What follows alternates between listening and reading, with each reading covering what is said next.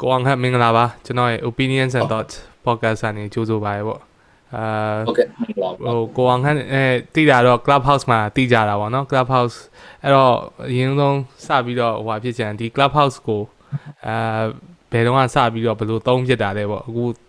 အဲလူတွေအရင်မရှိတော့ကနေအခုလူတွေများလာတဲ့ပုံမှာရောအဲ user တွေများလာတယ်ပေါ့နော်အဲ့ဒီပုံမှာရော အဲဒီလိုမျိုး old user တယောက်အနေနဲ့အရင်တည်းကသုံးနေတဲ့လူတွေတင်းနေဘယ်လိုဘယ်လိုခံစားချက်တွေရှိတယ်ပေါ့နည်းနည်းဟုတ်မေးကြည့်ရဟုတ်ကဲ့အခုအာဆိုတော့ကျွန်တော်စသုံးတာကအကုံပေါ့နော်အကုံအကုံဆိုတော့အဲ့ဒီတုန်းကဘာလို့သုံးပြလဲဆိုတော့ကျွန်တော်တငယ်ချင်းတအုပ်စုရှိတယ်ပေါ့နော်အဲသူတို့က digital type back ကလူတွေပေါ့နော်ဆိုတော့သူတို့နဲ့အဲ့လိုတစ်ပတ်ကနှစ်ခါသုံးခါလောက် hang out လုပ်ဖြစ်တယ်လုပ်ဖြစ်တော့အဲ့တုန်းကလည်းအဲ့လိုဆန္ဒတော့ပြရဲ ပြပြီးစိုက်ထိုင်တာရှိတယ်အဲ့တော့သူတို့ကပြောကြတယ်ပေါ့နော် club house မှာပြောမယ် club house မှာပြောမယ်ပေါ့ကျွန်တော်အဲ့ဒါနဲ့မသိဘူးမေးကြည့်ရတော့ဘာလဲပေါ့ club house ကဆိုတော့အဲ့မှာသူတို့ကအာအဲ့လိုစကားပြောလို့ရတဲ့ platform ပေါ့ကျွန်တော်ကလည်းတခြားဟာတွေရှိတာဘာလို့မပြောရလဲပေါ့နော်ဆိုတော့မဟုတ်ဘူးတဲ့အဲ့လို easy to use ဖြစ်တယ်ပေါ့နော်အရင်တုံးရအဆင်ပြေဆိုတော့ okay ကျွန်တော်လည်းအဲ့ဆိုရင် register လုပ်ပြီးလာခဲ့မယ်ဆိုမဟုတ်ဘူးတဲ့အဲ့လိုဝင်လို့မရဘူး invitation လုပ်ပေါ့နော်ဟုတ်တယ်အဲ့တော့ invite လုပ်ရပေါ့လို့တော့ကျွန်တော်ဒီအဲ့ အတိဒီအကိုတယောက်ကပဲအဖွဲ့ရဲ့အကိုတယောက်ကကျွန်တော်ကို invite လုပ်ပြီးပေါ့နော်ကျွန်တော် join ဖြစ်တယ် join ပြီးတော့သက်စာချင်းတုန်းကတော့ကျွန်တော်တို့အဖွဲ့ပဲစကားပြောကြရပေါ့နော်ပြောပြရနေပြီးတော့တခြားမြန်မာတွေနဲ့တွေ့ရပါအဲ့တော့ဆိုရင်မမရ room ကနှစ်ခုပေါ့နော်နှစ်ခုအာရှိမှတယ်ပေါ့နော်ဟိုအာဒီဒီဒီကိုကိုဆိုရလည်းသိပါတယ်ကြီးကြီးမားမားနှစ်ခုရှိတယ်ပေါ့နော်အဲ့ကောင်မှာနှစ်ခုရှိတယ်အဲ့နှစ်ခုမှာတစ်ခုကတော့ the politics အရင်ပြောရပေါ့နော်ပြောတော့ ကျွန်တော်တို့ကအရင်ဝင်မ join ပြဘူးပေါ့နောက်တစ်ခုကတော့ပေါ်ပါလို့နေများတော့အဲ့ဒီမှာကျွန်တော်ဝင်ပြောပြတယ်ပေါ့ပြောပြရရင်ကျွန်တော်တို့အဲ့ type back ကလူတွေပေါင်းပြီးတော့ပဲကျွန်တော်တို့ဒီတချို့ talk လေးကျွန်တော်တို့ organize လုပ်တယ်ပေါ့နော်ဟုတ်ကဲ့အဓိကတော့ clubhouse stock ဆိုပြီးတော့ဟိုဟာဟုတ်တယ်ဟုတ်ကဲ့ဟုတ်တယ်ကိုကျွန်တော်ရေနောက်ထပ်နှစ်ယောက်ရေပေါ့နော် organize လုပ်ကြတယ်လုပ်တော့အဲ့ဒီမှာဒီ digital marketing အကြောင်းတွေပြီးတော့ဒီဟောပေါ့နော် content creation အကြောင်းတွေအဲ့လိုဟာတွေကျွန်တော်တို့ဒီသက်ဆိုင်ရာနယ်ပယ်က ကျွမ်းကျင်ပညာရှင်တွေကျွန်တော်တို့ခေါ်တယ်အဲကျွန်တော်တို့ရတယောက်ကနေပြီးတော့ panelist ပေါ့ပေါ့နော် moderator ပြန်လုပ်တယ် panelist တွေဆိုတော့ကျွန်တော်မိကုန်းနေမိကြတယ်ပြောကြတယ်ပေါ့နော်အဲ့တုန်းကတော့အဲ့လို feeling ပေါ့နော်အဲကြားထဲမှာပြီးတော့ကျွန်တော်ခဏမသုံးပြဘူးပေါ့နော်ကျွန်တော်ဒီ3လပိုင်းထဲမှာကျွန်တော်အလုပ်တော်တော်ရှုပ်တယ်ပေါ့နော်ရှုပ်ပြီးတော့အာ၄လပိုင်းကြာတော့အာဒီ early of April မှာကျွန်တော်ဒီဘန်ကောက်ရောက်လာတယ်ပေါ့နော်ရောက်လာတဲ့အချိန်မှာဒီကျွန်တော် quarantine နဲ့မှာအရင်ပြင်းတယ်ပေါ့နော်ပြင်းတဲ့အချိန်မှာကျွန်တော် ပြန်ဝင် join ဖြစ်တယ်ပြောဖြစ်တယ် network တွေထည့်ရတယ်လူတွေနဲ့ပို့ခင်တယ်အဲ့တော့ club house ကိုတစ်ခါပြန်ဆွဲသွားပြန်တယ်ဟုတ်ကဲ့ဆွဲသွားပြန်တော့အဲကျွန်တော်ဘယ်လောက်ဆွဲသွားလဲဆိုတော့ကျွန်တော်ညအိတ်လေအဲအဲ့ဒီ room ရှိရပါတော့24 hour ဖွင့်တာ room တစ်ခုရှိရပေါ့မြန်မာတွေပဲအဲဆိုတော့အဲ့ room ထဲမှာကျွန်တော် အာညလည်းကျွန်တော်အဲ့ထဲမှာပဲအိတ်တယ်အတန်တိုးပြီးကျွန်တော်အိတ်တယ်မိုးလင်းလာရင်ကျွန်တော်ပြန်ဝင်ပြောတယ်အဲ့အဲ့ room ကလည်းတကဘာလုံးကလူတွေဆိုတော့ရှေ့ဘက်ကလူတွေအိတ်နေနောက်ဘက်ကလူတွေကချနေပေါ့ကျွန်တော်တို့နိုးလာတဲ့အချိန်ကျရင်နောက်ဘက်ကလူတွေကမအိတ်သေးဘူးပေါ့ဒီရှေ့ဘက်ကလူတွေကလည်း no way ပေါ့နိုင်ငံဆုံးအောင်ဆိုတော့ကျွန်တော်မမရရ clubhouse နဲ့ကြာကျွန်တော်မှတ်တတိယတော့ဖြတ်ပြောလိုက်ဟိုဟာညတက်နာကြီးကျွန်တော်တို့အဲ့ချိန်တော့လေညတက်နာကြီးဆိုရင် internet line ဖြတ်တယ် အဲအဲ့ဒီအချိန်တော့ဆိုအဲကျွန်တော်တို့ထားပါအဲအခုဆိုရင်တော်တော်များ clubhouse တုံးတဲ့လူဆိုသိကြပါကူလာပြေလို့ကျွန်တော်တို့ကရန်ကုန်ဘက်ကလူတွေပေါ့နော်နိုင်ငံခြားလူတွေဆိုရင်အဲကျွန်တော်တို့ကတနားရီထိုးရဆိုအကုန်လုံးပျောက်ပေါ့နော်အဲ့လိုမျိုးအဲအဲတော့ကဆိုလေအဲ့လိုတနားရီအဲအင်တာနက်ပြန်ပေးရညဆိုအဲ့လိုမျိုးမှတ်မှတ်ရရပဲဟာပြတ်တော့မှတကယ်ပဲပြန်ပေးပြီလားဟာပြတ်တော့မှလားအဲ့လိုထိုင်ဆောက်တနားရီကျော်သွားမှအဲ့လို celebrate လုပ်တာ ကျွန်တော်ကျွန်တော် quarantine နဲ့မှာဆိုတော့အဲ့အဲ့ feeling မြင်ရတယ်ပေါ့နော်ဟိုကျွန်တော်တို့ကမအိတ်ကြဘူးအဲ့တော့ကျွန်တော်ကဒီ time ရောက်နေပြီဆိုတော့ကျွန်တော် internet မပြတ်ဘူးပေါ့ဒါပေမဲ့တနားရီထိုးပြီဆိုဝုန်းဆိုအဲ့ဖွဲ့လိုက်စီကပျောက်သွားပြီဟုတ်တယ်ဘက်ကလူအဲ့ဒီချိန်ကျရင်ပြင်းချောက်ချောက်ကြီးကျန်နေတယ်ပေါ့မနေ့ကျတော့မှတစ်ခါစကားပြန်ပြောကြတာပေါ့နော်ဟုတ်ကဲ့အဲ့အဲ့လိုအဲ့လိုအဲ့လိုဖြစ်တယ်ပြီးတော့ internet ပြန်ရပြီဆိုတော့ညလုံးပေါက်တွေပြန်ပြောကြတယ်ပေါ့အဲဆိုတော့အဲ့ဒီဟာကနေပြီးတော့ကျွန်တော်တော်တော်ကြီးပြန်သုံးပြတယ် အဲသုံးပြတယ်ပြီးတော့ကျွန်တော်နည်းနည်းတန်ဖိုးပြန်ကြသွားတယ်ကျွန်တော်ဒါပေမဲ့ပုံမှန်တော့သုံးတယ်အခုထိလည်းကျွန်တော်နေတိုင်းတော့ဝင်တယ်အဲကျွန်တော်တို့ဒီကိုစိရတော့လည်းပါပါတယ်ကျွန်တော်လူတွေရှိရဲ room ကျွန်တော် room မှာကျွန်တော်ဝင်ပြောရဲလူတွေကတော့ဟိုများလာတယ်ဆိုတော့နောက်ပိုင်းတော့ဒီ celebrity တွေ social influencer တွေရောက်လာတယ်ပေါ့နော်ရောက်လာတော့သူတို့ကလည်းဒီ channel ကို invite လုပ်တယ်ပေါ့နော်လုပ်တယ်ဆိုတော့အများကြီးရောက်လာတယ်ပေါ့နော်ရောက်လာတော့ကျွန်တော်တော့အဲလူစိမ်းဒီဒီဒီမတိသေးတဲ့လူတွေရဲ့ room တွေတော့ကျွန်တော်အများကြီးနောက်ပိုင်းဝင်မ join ဖြစ်တော့ဘူးဆိုတော့နောက်ပိုင်းတော့အာ ကျွန်တော်ထင်တယ်ပြီးခဲ့တဲ့အာတလကျော်လောက်မှာ room တွေတအားများတဲ့တစ်ချိန်ရှိရပါတော့ကျွန်တော်ညဘက်တော့ကျွန်တော်ကြည့်လိုက်ရင် room တွေက6ခု9ခုလောက်ရှိတယ်မြန်မာ room တွေပေါ့နော်ဆိုတော့အဲဒါပေမဲ့အခုတော့မတွေ့တော့ဘူးအခုတော့ကျွန်တော်ထင်တာကတော့ဟိုကျွန်တော်တို့လည်းအခုနည်းနည်း settle down ပြန်ဖြစ်သွားပြီနည်းနည်းလေး settle down ပြန်ဖြစ်သွားတယ်ဟိုသူကနဲ့သူပေါ့နော်ဟိုဟိုဘယ်လိုခေါ်မလဲအာ topic လေး တေချာဖြစ်ပြီးတော့အရင်တော့ဆိုဘာ topic မှမရှိဘူးလေတည်ရမှာဒီတိုင်းအခုကျတော့အခုကျတော့သူကလည်းသူ room လေးတွေကသူ topic လေးနဲ့သူအဲ့ထဲဝင်သားထောင်လို့ဟိုအာဟိုတော်တော်ဘူးသူရရပါမနေ့ကဆိုလဲအဲ့ဒီအဲ့မြန်မာ Thinkers Club ဆိုတာဟိုဒီ Facebook က group ကလူတွေပဲသူတို့လေ room တစ်ခုလုပ်တယ်အဲအဲ့မှာကျွန်တော်သွားနာထောင်ပြတယ် အဲအဲသူတို့လည်းအဲ့ဒီဒီဟိုတခြားပေါ့နော်သူတို့ဘာဟိုဘာသာရေးနဲ့ဆိုင်တဲ့တချို့ကိစ္စတွေမင်းညာပြောနေကြအဲ့လိုမျိုးလေးပေါ့စိတ်ဝင်စားဖို့ကောင်းဟိုအဓိကပေါ့အခုအဲဒီဟာတော့ကိုအောင်ခန့်ပေါ့နော်ကိုအောင်ခန့်ကဒါ award winning journalist ဆိုတော့ဒီအဲ journalism နဲ့ journalist ကျွန်တော်သိချင်တာဒီဒီ feed တွေကိုဘယ်လိုရောက်လာတယ်ပြီးတော့ဒီကျွန်တော်တို့ဥမာထားပါကျွန်တော်တို့နိုင်ငံရေးနဲ့နည်းနည်းဆက်ပြီးတော့မေးရမယ်ဆိုရင်တော့ ဒီလိုမျိုး democratic society တခုမှာအဲ press ကဘယ်လောက်အရေးကြီးလဲပေါ့အဲ့ဒါလေးအမ်စပြီးတော့မေးဟုတ်နည်းနည်းတော့ပြောပြပေးပါဟုတ်ဟုတ်ဟုတ်ဘယ်လိုရောက်လာလဲဆိုတော့အမ်ကျွန်တော်က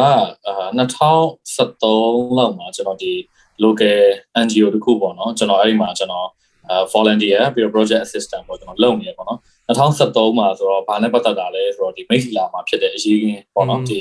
မြန်မာမွတ်စလင်ရေးကင်းနဲ့ပတ်သက်တဲ့ဟာကိုတို့ကအကြီးကတော့ training ပေးရ trauma healing တွေလုပ်တယ်ပေါ့နော်အဲ့ဒီဟာမှာပေါ့ဆိုတော့ကျွန်တော်ကအဲ့ဒီမှာအလုပ်ဝင်လုပ်တော့ကျွန်တော်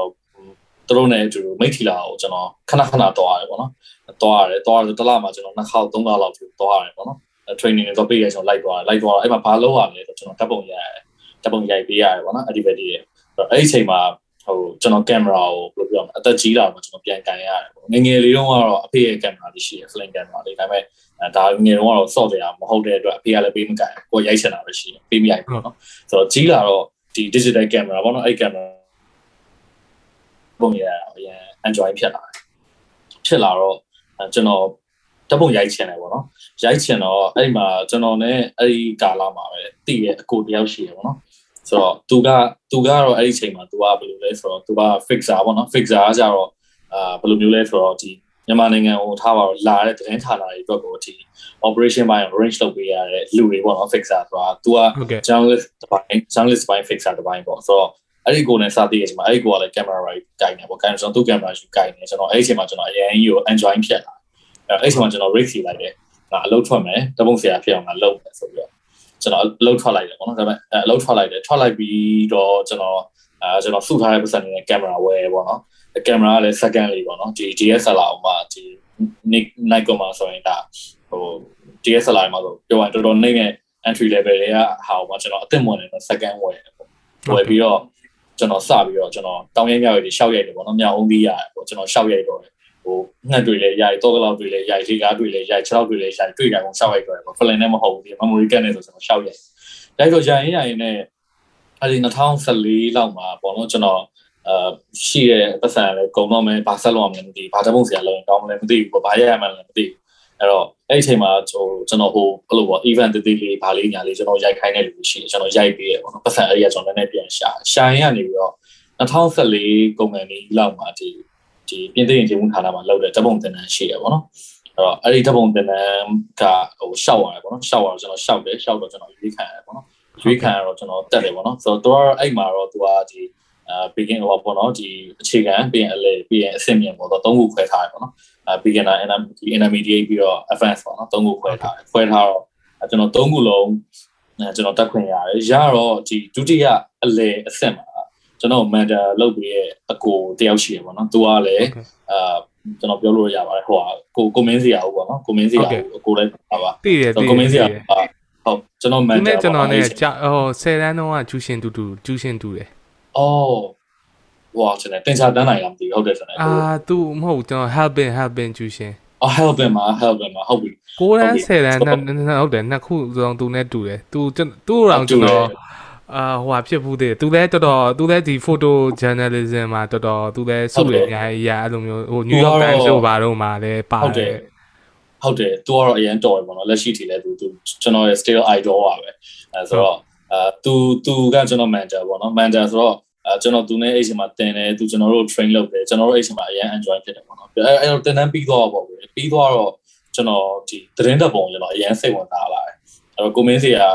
အဲအဲ့တော့ဆိုရင်ကျွန်တော်တို့ပြရတဲ့ပုံတွေမှာဆိုမမရရပေါ့နော်ဒီဒေါန်ဆန်းစုကြည်ကိုဒေါန်ဆန်းစုကြည်ရဲ့လမ်းဒီပေါ့ပေါ့နော်လူအုပ်ကြားမှာတွားနေတာပြီးမှလူရဝိုင်းနေပေါ့နော်ဝိုင်းနေတဲ့ဟာမှာသူဘယ်လိုလဲဆိုတော့အဲတော့ဒီကင်မရာမှာဆိုရင် slow shutter ပေါ့နော် shutter speed ကိုချရဲလိုက်တော့ဟုတ်ကဲ့ဒေါန်ဆန်းစုကြည်ကငြိမ်နေတယ်ဘေးနာတွေကတော့ဝါးနေပေါ့တော့တော်ဆောင်တော်ဆန်းစုကြဲမှာလူကောင်းလေးမော့ထားပြီးတော့သူကဟိုအဲ့ဒီ figure အရင်မိုက်တယ်ပေါ့နော်ကျွန်တော်မျိုးလုံးထဲမှာအမြဲတမ်းကြာအဲ့ပုံကမထွက်ဘူးပေါ့နော်ဆိုတော့ ငါလည်းဒီလိုပုံတွေရိုက်ချင်တယ်ဆိုတော့စိတ်ဖြစ်လာတယ်ပေါ့နော်ဖြစ်လာတော့အဲ့ဒီချိန်မှာဘာဖြစ်လဲဆိုတော့2015အဆောင်ရောက်ရောက်သွားတဲ့အချိန်မှာပါတယ်ဆိုတော့ဒီ Manly ကနေပြီးတော့ရန်ကုန်ကိုခြိတက်လာတဲ့ចောင်းသားတပိတ်ရှိတယ်ပေါ့နော်ဆိုတော့အဲ့ဒီចောင်းသားတပိတ်ကိုကျွန်တော်တို့ကကျွန်တော်ရဲ့အခုနကကျွန်တော် mention သွားတယ်ကျွန်တော်လည်းကျွန်တော်ပထမဦးဆုံးဟိုတည်ရဲကင်မရာဝယ်ထားရဆိုတော့အကိုပေါ့နော်အဲ့ဒီအကိုလည်းနှစ်ယောက်ပေါ့နော်ကျွန်တော်နှစ်ယောက်ဘယ်သူမှလည်းကျွန်တော်တို့မငါဘူးကျွန်တော်တို့ကိုယ်ပစံနဲ့ကိုကျွန်တော်တို့ မကွေးကိုလိုက်သွားတယ်ပေါ့နော်အဲ့ဒီအချိန်မှာចောင်းသားတပိတ်ကမကွေးရပေါ့နော်အဲ့တော့မကွေးကနေစပြီးတော့ဟိုကျွန်တော်တို့ဒီအာဘယ်အထိလဲဆိုတော့အာ sorry တောင်တောင်တောင်ရင်းလာအောင်အောင်အောင်လန်ထင်တယ်အောင်လန်ထိကျွန်တော်လိုက်သွားတယ်တပတ်လောက်ကြာရပေါ့နော်အဲ့ဒီအချိန်မှာလည်းဒီကျွန်တော်တို့ဒီ senior အကိုတွေနဲ့ကျွန်တော်တို့ဟိုအများကြီးလာဝင်ရတယ်ပေါ့ဥပမာဆိုရင်70ရာကိုကိုချီမမအမရပူလာဟုတ်ဟုတ်ပြီးတခြားဒီတရင်အမအကိုတွေသူတို့တပုံဘလို့ရိုက်တယ်ပေါ့နော် ကျွန်တော်တွားရဲတွားတော့ကျွန်တော်အဲ့ဟာနေပြန်လာတဲ့အချိန်မှာကျွန်တော်လုံးဝ decision ချရတယ်ငါတပုံလည်းတော့ဖြစ်ကိုဖြစ်ရမယ်ငါဖြစ်ချင်တယ်ပေါ့နော်ဆိုတော့ဘာလဲဆိုတော့ကျွန်တော် feeling ကအဲ့လိုမျိုးပြပြလောလောတွေဒီဘယ်လိုပြောမလဲ adventure တွေ excitement ဖြစ်တဲ့ဟာတွေကျွန်တော်ကြိုက်တယ်ပေါ့နော်ဟိုပြင်းပြင်းကြီးတပုံရရမှာကျွန်တော်မလုပ်ချင်ဘူးပေါ့နော်ဟိုမှာ event လေးတပုံရိုက်လိုက်ဆိုတော့ကျွန်တော် adrenaline junkie ပေါ့အဲ့လိုပြောအောင်ဟုတ်တယ်ကိုဆိုတော့ adrenaline ပေါ့နော်ဆိုတော့အဲ့ဒီချိန်မှာလည်းအဲ့လိုပေါ့နော်ဟို ဟိုကျွန်တော်အဲ့ဒီချိန်တွေကစပြီးကျွန်တော်အရင်ကြိုက်တယ်ဟို coach တခုရှိရပေါ့နော် Confucius ပြောခဲ့တဲ့ဟာပေါ့နော်ဟိုဗမာလိုပါလာပြန်မင်းချစ်တဲ့အလုပ်ကိုရွေးချယ်ပေါ့ဒါဆိုရင်မင်းတစ်သက်လုံးအလုပ်လုပ်နေကြမလို့တော့မဟုတ်ဟုတ်တယ်ဟုတ်တယ်ဆိုတော့အဲ့ဒီအဲ့ Confucius ရဲ့ coach တခုကျွန်တော်တွေ့တယ်ပေါ့နော်တွေ့တော့အဲ့လိုနေနေနဲ့ကိုမင်းစရာကကျွန်တော် contact ညာလုပ်တယ်ပေါ့နော်ကျွန်တော်လည်းအရင်ကြီးကိုတပုံရိုက်ချင်တယ်သူသိတော့ဒီမြန်မာ Giants မှာပေါ့နော်ဒီတပုံတဲ့လောက် vacancy ရှိရဲမင်းသွားရှောက်ဒီ တပုံဌာန director ကိုငါပြောထားပြီမယ်ငါနဲ့ခင်နေဆိုတော့ okay အကိုဟုတ်ကဲ့ဆိုပြီးကျွန်တော်အဲ့ဒါနဲ့ပဲကျွန်တော် contact လုပ်တယ်အဲ့မြန်မာ Giants ရဲ့တပုံဌာန director အကိုအကိုသိမယ်ထင်ပါတယ်အကိုဟောက်ထက်အာတင်လာတော့မသိဘူးပြောတယ်ကျွန်တော်တွေ့ရင်တော့ဟုတ်မသိတာဘူးဟုတ်မသိတာဘူးဟုတ်ကဲ့ဟုတ်ကဲ့ဆိုတော့သူသူလည်းကျွန်တော်ဆရာပါပဲဆိုတော့ကျွန်တော်သွားရပေါ့နော်သွားတော့အဲဒေါက်တာကောင်းထက်ပေါ့နော်ဒေါက်တာကောင်းထက်ဆိုတာ dot dot trade ဆိုတာတော့ medical ဒေါက်တာပေါ့နော်ဆိုတော့အော်ကျွန်တော်ကသွားရပေါ့နော်အဲ့ဒီရုံးမှာကျွန်တော်သွားရပေါ့အဲ သွားတော့တွေ့ရပေါ့နော်အဲ့ဒီအကိုနဲ့အဲတွေ့တော့ तू ကကျွန်တော်ယူလာတဲ့ပုံကျွန်တော်ရဲ့ portfolio ကိုကြည့်ရပေါ့နော်ကြည့်ပြီးတော့ပြောရပေါ့အဲဒီဒီပုံတိုင်းဆိုရင်မရသေးဘူးအဲ့တော့ vacancy ရှိမှ vacancy vacancy တကယ်ရှိပြီဆိုရင်တကယ် seriously ခံတော့မယ်ဆိုရင်စဉ်းစားပြီးမယ်အလုပ်ခံပြီး plan ပြောမယ်ဒါမှမဟုတ်ရင် intern ဆင်းကြတာပေါ့နော် intern ဆင်းရင်လာစားမရဘူးဒါပေမဲ့ travel allowance တွေပေးရပေါ့နော်ဆိုတော့ကျွန်တော်ကလည်းအရန်ဟိုဟို အလုပ်လုပ်ချင်နေတဲ့အချိန်ပြီးတော့ဟိုကျွန်တော်စိတ်ထဲမှာမြန်မာ Times ကအရန်ကြီးရပေါ့နော်ဟိုဒီ English version လည်းထုတ်နေတဲ့သတင်းစာလို့ဆိုတော့ sorry အဲဆိုတော့ကျွန်တော်အဲ့ဒီမှာကျွန်တော် intern ဆင်းမဆုံးဖြတ်လိုက်တယ်ပေါ့နော်ဆုံးဖြတ်လိုက်တော့အဲ့ဒါမမရ match လာ2015 match လာပေါ့နော် match လာဆန်ပေါ့နော်ဆိုတော့အဲအဲ့ဒီ match လာနဲ့ April နှစ်လပေါ့ကျွန်တော် intern ဆင်းတယ်ပေါ့အဲအရန်ကိုခက်ခဲခဲ့အဲ့လိုနေ့ရက်တွေပေါ့နော် ဟိုကိုကောင်းထက်ကဒါဒါဟိုကျွန်တော်ဆရာသူသူကကျွန်တော်ကိုအရန်ကိုသူ train ခဲ့ပေါ့နော်ဟိုသူကလည်းကျွန်တော်တို့အရန်တက်စေချင်တယ်တက်စေချင်တော့သူတစ်ခါလေကျရင်ကျွန်တော်တို့စူရာတွေ aura တွေရှိရယ်ဟောက်တာတွေရှိရယ်အဲဒါပေမဲ့မရဘူးကျွန်တော်လည်းဆက်ဆက်မရှော့ဘူးကျွန်တော်လည်းဆက်လုပ်တယ်ပေါ့နော်ဘာလို့ဆိုတော့ကိုကလည်းကိုလက်ကအဲ့လောက်ကြီးကောင်းနေဆိုတော့သိရောအေးအကုန်ပေါ့နော်မိန်မရောက်ခင်ပါပဲသူက vacancy ရှိရယ်အလုပ်ခံမယ်ပေါ့နော်အာဟုတ်ကဲ့ဆိုတော့ ဟို3လ probation ရှိရယ်ပေါ့နော်3လ probation ရှိရယ်ဆက်လုပ်ကြည့်မလားလုပ်မယ်ဆိုပြီးတော့ကျွန်တော်အဲ့ဒါနဲ့ပဲအဲ့ဒီမှာကျွန်တော် probation စရတယ်ပေါ့နော်စရယ်ဆိုတော့အာအဲ့ဒါနဲ့တည်းတော့ဖြစ်လာတယ်ပေါ့နော်ဓာတ်ပုံသတင်းတော့ဖြစ်လာတယ်ပေါ့နော်ကျွန်တော်အိမ်မက်မက်ခဲ့ဓာတ်ပုံသတင်းတော့ဖြစ်လာတယ်ပေါ့ဆိုတော့အရန်တော့အခက်ခဲပေါ့နော်ခက်ခဲဆိုတာဟိုဘယ်လိုပြောရမလဲကျွန်တော်ကလည်းဝမ်းစာပြည့်နေတဲ့အချိန်မဟုတ်ဘူးကိုကလည်းအရင်စတင်နေရတဲ့အချိန်ဆိုတော့ဟိုဟိုပြီးရင်ကျွန်တော်ကအဲ့လိုမျိုးကျွန်တော်လူကြောက်တာရှိတယ်အဲ့ဒီအချိန်တော့ဆိုကျွန်တော်မှလို့ issue ရှိတယ်ပေါ့နော်ဆိုတော့ အဲပြောရရင် media လောက communication အဓိကဆိုတော့ဒီ communication ကိုကျွန်တော်ထပ်ပြီး learning လုပ်ရတယ်ပေါ့နော်ဆိုတော့ဟိုအများကြီးပါပဲအများကြီးပါပဲပေါ့နော်ဟဟိုကြုံတွေ့ခဲ့ရတဲ့အခက်အခဲတွေကတော့ဥပမာဆိုရင်ဒီမြန်မာတိုင်းကအကိုလည်းဖတ်မယ်ဆိုရင်တော့သတိထားမိမှာပါဒီသူ့ရဲ့ဒီ weekly version or English weekend version တော့မှာဖြစ်သူကဒီ social စာမျက်နှာဆိုတာရှိတယ်နော်ဟုတ်တယ်အဲ social စာမျက်နှာမှာဘာတွေထည့်လဲဆိုတော့ဥပမာပေါ့ကွယ် ရှန်ဂရီလာဒီဆိုလေရှန်ဂရီလာမှာကျင်းပါတယ်ဒီဘေတန်ယုံရဲ့ဘာအထိမ့်မှတ်ပွဲပေါ့သူကအဲ့လိုပွဲကိုသွားတယ်သွားပြီးရင်အဲကိုမတိရဲ့လူတွေကိုသူကစကားလိုက်ပြောပြီးတော့မိတ်ဆက်ပြီးတော့သူတို့ရဲ့ portrait တွေရတယ်ရှိုက်ပြီးရင်နာမည်မေးရတယ်ပေါ့မေးပြီးရင်အဲ့နာမည်နဲ့ပုံတယ်ဆိုတော့အဲ့ဒီ event အောက်မှာအဲ့ပုံတွေပြန်ထည့်အဲ့ဒီ page တစ်ခုတစ်ခုမှာအများ event ရှစ်ပွဲဆယ်ပွဲလောက်ထည့်ရတယ်ပေါ့ဆိုတော့ကျွန်တော်က networking လုပ်ရတာကိုဟိုဘယ်လိုပြောရမလဲကြောက်တယ်ပေါ့နော်ကျွန်တော်လူလူတအားကြောက်တဲ့အချိန်ပေါ့အဲ့အချိန်ကဟိုဆိုတော့ဟို စကားလည်းမပြောရဘူးကျွန်တော်အဲ့လိုပဲကျွန်တော်ရောင်းလောင်ပေါင်းတော့ပေါ့နော်ဟိုကိုစိတ်ကူးရင်ရတာလုံးဝဟိုကင်မရာကြီးလွယ်ပြီးတော့ဒီမှာရှေ့တန်းထွက်ရလို့ကျွန်တော်ဓာတ်ပုံတွေတော့ဖြစ်တော့မယ်ကျွန်တော်တို့မျောလင်းစိတ်ကူးရင်ရတာပေါ့ဒါပေမဲ့လက်တွေ့မှာကျတော့အောက်ခြေကနေပြန်စားတာဖြစ်တဲ့အတွက်ကျွန်တော်အဲ့လိုဟာတွေများများလွတ်တယ်ပေါ့နော်ဒါကတော့ဟိုကျွန်တော်တို့ရုံးမှာအသက်ဝင်တဲ့လူတိုင်းအဲ့လို social ပွဲခေါ်ပါပေါ့နော် social ပွဲတွေပြန်သွားတယ်ကျွန်တော်လည်းအရင်သွားတယ်ပေါ့နော်အဲ့တော့အဲ့ပထမ6လတစ်နှစ်လောက်ကအဲ့ပွဲရန်သွားတယ် Normal Game လည်းတအားလောက်ရတယ်ပေါ့နော်အဲ့တော့တဖြည်းဖြည်းနဲ့မှ ကျွန်တော်လူတွေနဲ့စကားပြောရတာ Normal လောက်ရအောင်ကျွန်တော်ပြောလာတယ်ပေါ့နော်ဆိုတော့နောက်ပိုင်းတော့အာကျွန်တော်အဲ့ဒီဟာငကိုတော့ကကျွန်တော် fear ပေါ့နော် fear ကနေကျွန်တော်အားသာချက်ဖြစ်အောင်ကျွန်တော်ပြောင်းယူရပေါ့နော်ကျွန်တော်အခုထိလည်းကျွန်တော်ခင်းတဲ့လူတွေအများကြီးကျွန်တော်ဖြစ်အောင်ကျွန်တော်လုပ်တယ်ပေါ့နော်ဟို Normal လောက်ရတာဗမာပဲဗမာပဲတွေ့တွေ့ပေါ့ဥမာဟိုစိုင်းထိုင်လို့ B1 တွေ့ရတယ်ကျွန်တော်လိုက်ပြီးစကားပြောတယ်ပေါ့ Normal လောက်တယ်ပေါ့ဘာလို့လုပ်တယ်တရားလာတယ်ဆိုတာမျိုးပေါ့နော်ဆိုတော့တကယ် journalist အစစ်ကြီးဖြစ်သွားတာပေါ့အစစ်ဖြစ်သွားတာပေါ့နော်ဒါတော့မှကျွန်တော်က writers မဟုတ်ဘူးပေါ့နော် writers တွေကတော့ပို့ပြီးတော့သူတို့ပို့ပြီးတော့ဟိုဟာဖြစ်တယ်ပေါ့နော်သူပို့ပြီးတော့ကောင်းတယ်ပေါ့သူတို့ login scale သူတို့ကကြောင့်အမြဲ source တွေ interview อ่ะပြုရရှိတော့ကျွန်တော်တို့ကကြောင့်တပုံသမားဆိုတော့တပုံရရများတယ်စကားပြောရနေပေါ့နော်ဒါပေမဲ့ကျွန်တော်အခွင့်အရေးတွေကိုကျွန်တော်အမြဲကျွန်တော်လက်လုံးမခံအောင်ကျွန်တော်အခုထိလည်းအဲ့လိုတကယ်ချင်းကောင်းတွေမိတ်ဆွေကောင်းတွေကျွန်တော် set keep လုပ်ထားနိုင်တယ်ပေါ့နော်အခုထိဆိုရင်ဆိုတော့ဒါကတော့ဟိုတရင်လောက်ကထဲမှာအကြာကြီးနေခဲ့ရတဲ့အကျိုးကျေးဇူးတွေကတစ်ခုလို့ထင်တယ်ပေါ့နော်အာဆိုတော့ အဲ့ဒါပါပဲအဲ့ဒါပါပဲဆက်ပြောရင်တော့များတယ်ပေါ့နော်ဟုတ်အဲ့တော့ဟိုဓာတ်ပုံကိုအရင်စိတ်ဝင်စားပြီးတော့မှပြီးတော့မှတည်င်းဓာတ်ပုံတည်င်းကအနောက်မှအဲ့လိုဖြစ်လာတာပေါ့အဲအရင်ဆုံးပထမဆုံးပထမဆုံးကိုယ့်ရဲ့ first passion ကတော့ဒီ photography ပေါ့အဲ့လိုပြောရမှာ photography ပေါ့နော်ဟိုပြောရရင်တော့ photographer နဲ့ photojournalist နဲ့လည်းမတူဘူးပေါ့နော်အဲဥပမာပြောရရင်ဟိုသတင်းဌာနတွေမှာလည်း photographer နဲ့ photojournalist နဲ့ပွဲတယ်ပေါ့နော်အဲ့တော့ကျွန်တော်တို့ကတော့အဲ့လိုပေါ့ဟို တစ်ခါလေကြာရင်ကိုယ်တိုင်လည်းဘယ်လိုပြောရမလဲကိုယ့်ပုံကို storytelling လုပ်ရတယ်ပေါ့နော်အဲ့ဒါဟိုဘယ်လိုပြောရမလဲကျွန်တော်တို့တွေဓာတ်ပုံဥပမာကျွန်တော်တို့ရိုက်လာတဲ့ပုံကျွန်တော်တို့ကဒီ live ပေါ့နော် Adobe Lightroom မှာကျွန်တော် edit ဝင်လုပ်တယ်ပေါ့နော်လုပ်တဲ့အခါကျရင်ဒီအာ box တစ်ခုထဲမှာဒီ caption ဝင်ရေးရရှိရပေါ့နော်ကျွန်တော်အဲ့ box ထဲမှာဒီပုံရဲ့ metadata ကိုဖြည့်ရတယ်ပေါ့နော်အဲ့ဒီမှာကျွန်တော် caption ထည့်ရတယ်အဲဒီပုံဒီ editor တို့ဒီ channel ဟိုက newsroom ဘက်က editor ရဝင်ကြည့်လိုက်ဒီပုံကဘယ်နာမှာဖြစ်ခဲ့ရလဲဆိုတော့သူနားလဲအောင်ကျွန်တော်တို့ကအဲ တချောင်းပေါ့နော်ဒီဒီဘယ်နေ့ဘယ်ချိန်ဘယ်နေရာဘယ်သူတွေဘာလုပ်နေလဲဆိုတာမျိုးပေါ့နော်ကျွန်တော်အဲ့ဒီဟာကိုကျွန်တော်ထည့်ရတယ်ပေါ့နော်ဆိုတော့ storytelling လုပ်ရတယ်ပေါ့နော်ဟိုတယောက်တည်းတပုံသွားရတဲ့ဟာရှိတယ်ဥပမာ key ထွာတာရှိတယ်သွားတာရှိတယ်အဲ့ဒီခါကျရင်ကိုကအဲတပုံရရုံတက်တက်မဟုတ်ဘဲနဲ့ဟိုက source နဲ့စကားပြောရတယ်ရင်းနှီးမှုတည်ဆောက်ရတယ်ကိုရုံလာအောင်လုပ်ရတယ်အဲ့လိုမျိုးတွေပေါ့နော်ဆိုတော့ဟိုအစတုန်းကတော့ဖြစ်ရှင်နေတာတပုံဆရာပေါ့အဲ့တော့နောက်ပိုင်းတော့ photo journalist ပေါ့နော် photo journalist ဖြစ်လာတဲ့အချိန်မှာအဲ့ဒီ networking လုပ်ရတယ် journalist တွေကတွဲပါလာတယ်ပေါ့နော်ဆိုတော့ အဲအဲ့လိုထင်ပါတယ်ကိုဟုတ်ဟုတ်အဲ့တော့ဟိုခုနပြောတာ photographer နဲ့ photo journalist နဲ့မတူဘူးဆိုတော့ဘယ်လိုမျိုးလေးတွေမတူတာလဲဘယ်နေရာလေးမှာကွဲသွားတာခုနပြောတဲ့အာကိုက story telling လုပ်ရတဲ့အပိုင်းရှိမယ်ပြီးတော့နောက်အဲဘယ်လိုအပိုင်းတွေရှိမလဲဟုတ်အာ photographer ကတော့ဥမာပေါ့ကွယ်ဒီ event ရိုက်တဲ့လူတွေဆိုရင် photographer ပေါ့နော်အာပြီးရင်ထားတော့ night life ရိုက်တဲ့လူတွေရှိမယ်အဲ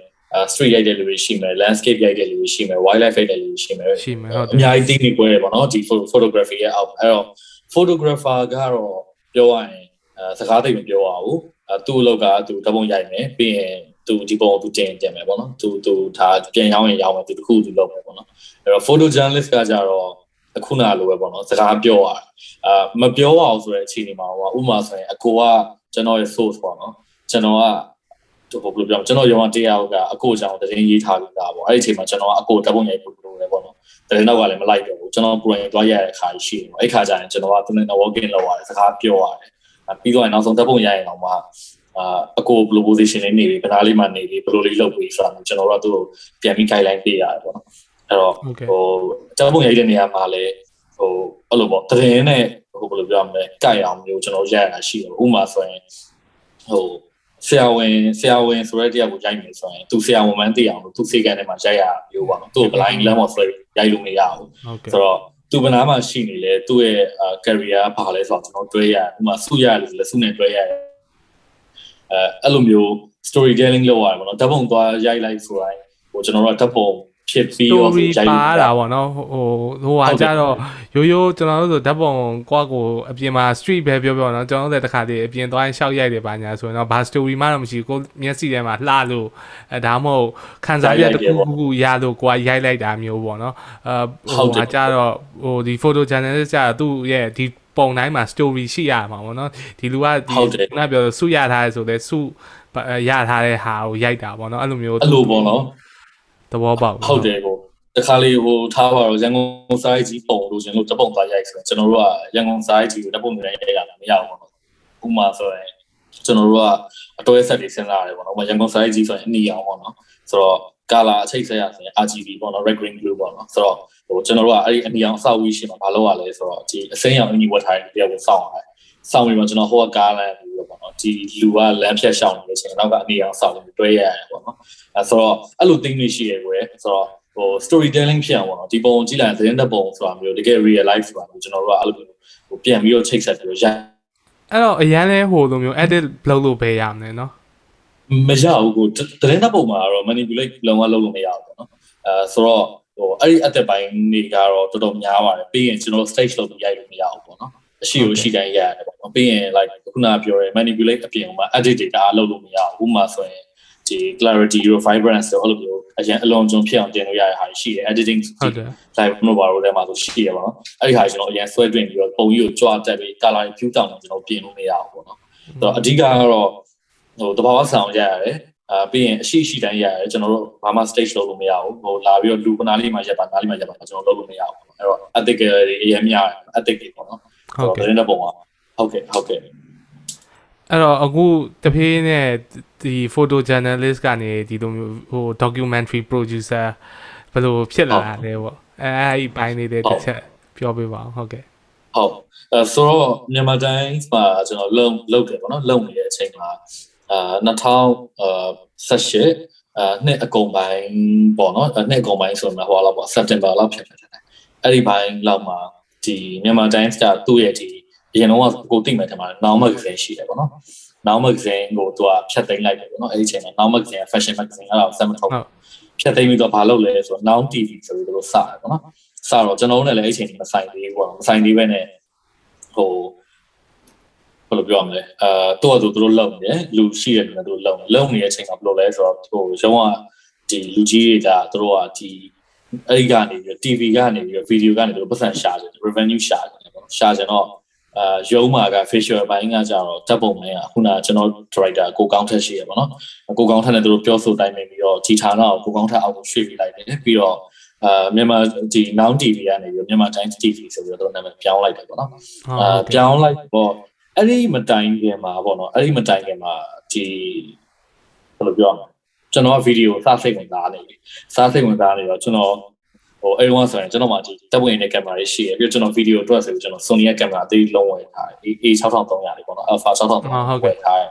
ဝယ်ပြီးတော့ကျွန်တော်တို့ဟို like mini set လေးပေါ့နော်ကျွန်တော် mic လေးလေးပေါ့ကျွန်တော် live ရိုက်တယ်ပေါ့နော်ရိုက်တော့ကျွန်တော်ရိုက်နေတာကိုလည်းဒီကိုကောင်းထက်ကတည်ရပေါ့နော်တည်တော့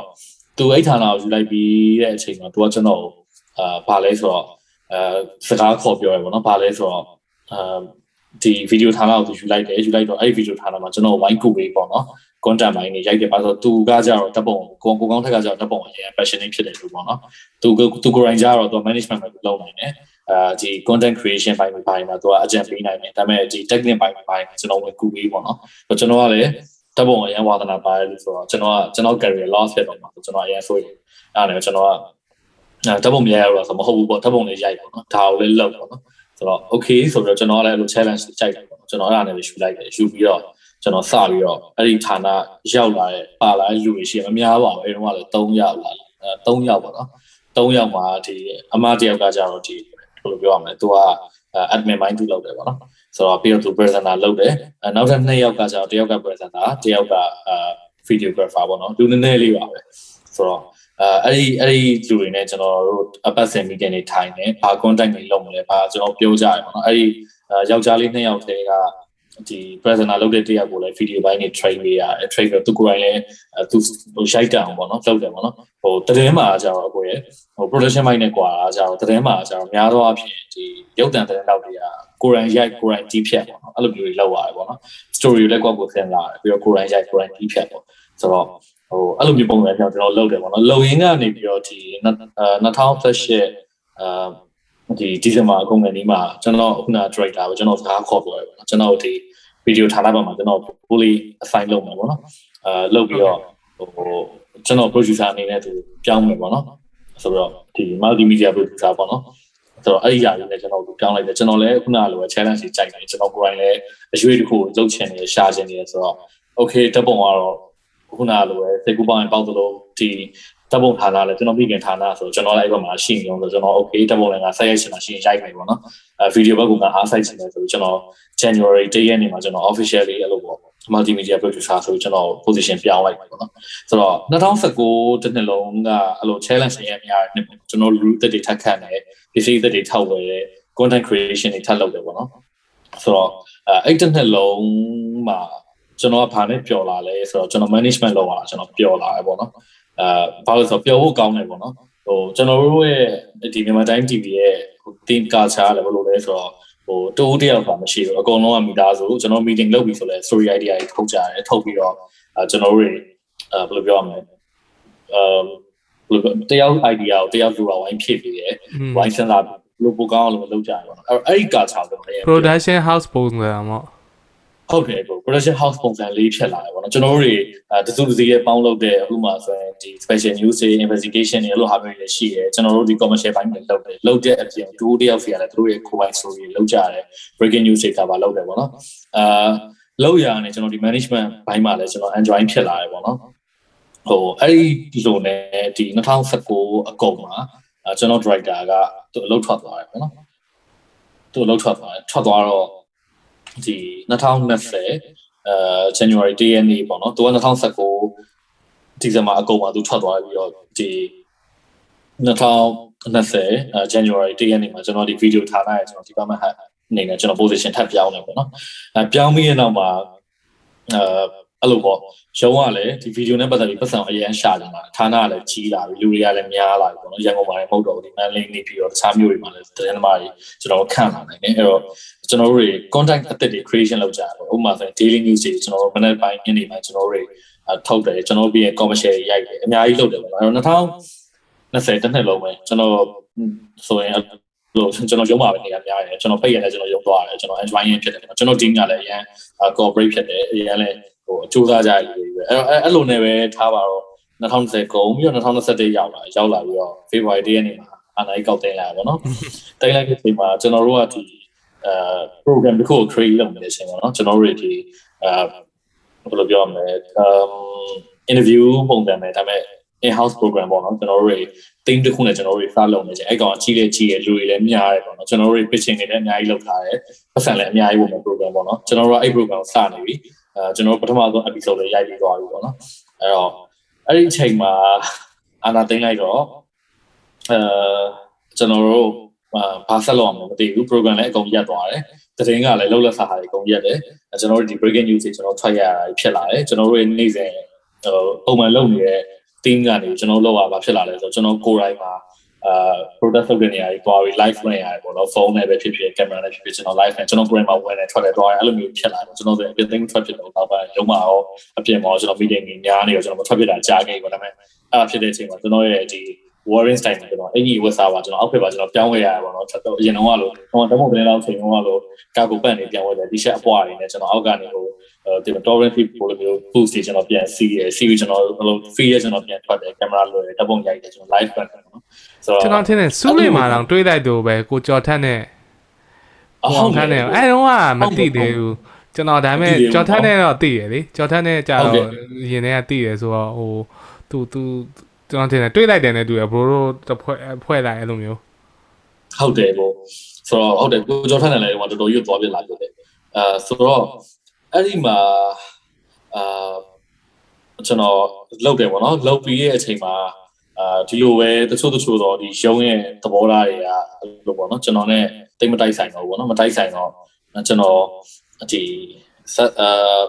16ထန်တယ်အာ February 16မှာကျွန်တော် resign လုပ်လိုက်တယ်ပေါ့နော်ကျွန်တော်ကျွန်တော်အဲ့တုန်းကဆိုရင်ကျွန်တော်ဌာနလူတွေတိုင်းငံလူတွေတခြားလူတွေအစုစုပေါင်းအယောက်30လောက်ရှိတယ်ကျွန်တော်တရက်ထဲမှာ resign လုပ်တယ်ပေါ့နော်လုပ်ပြီးတော့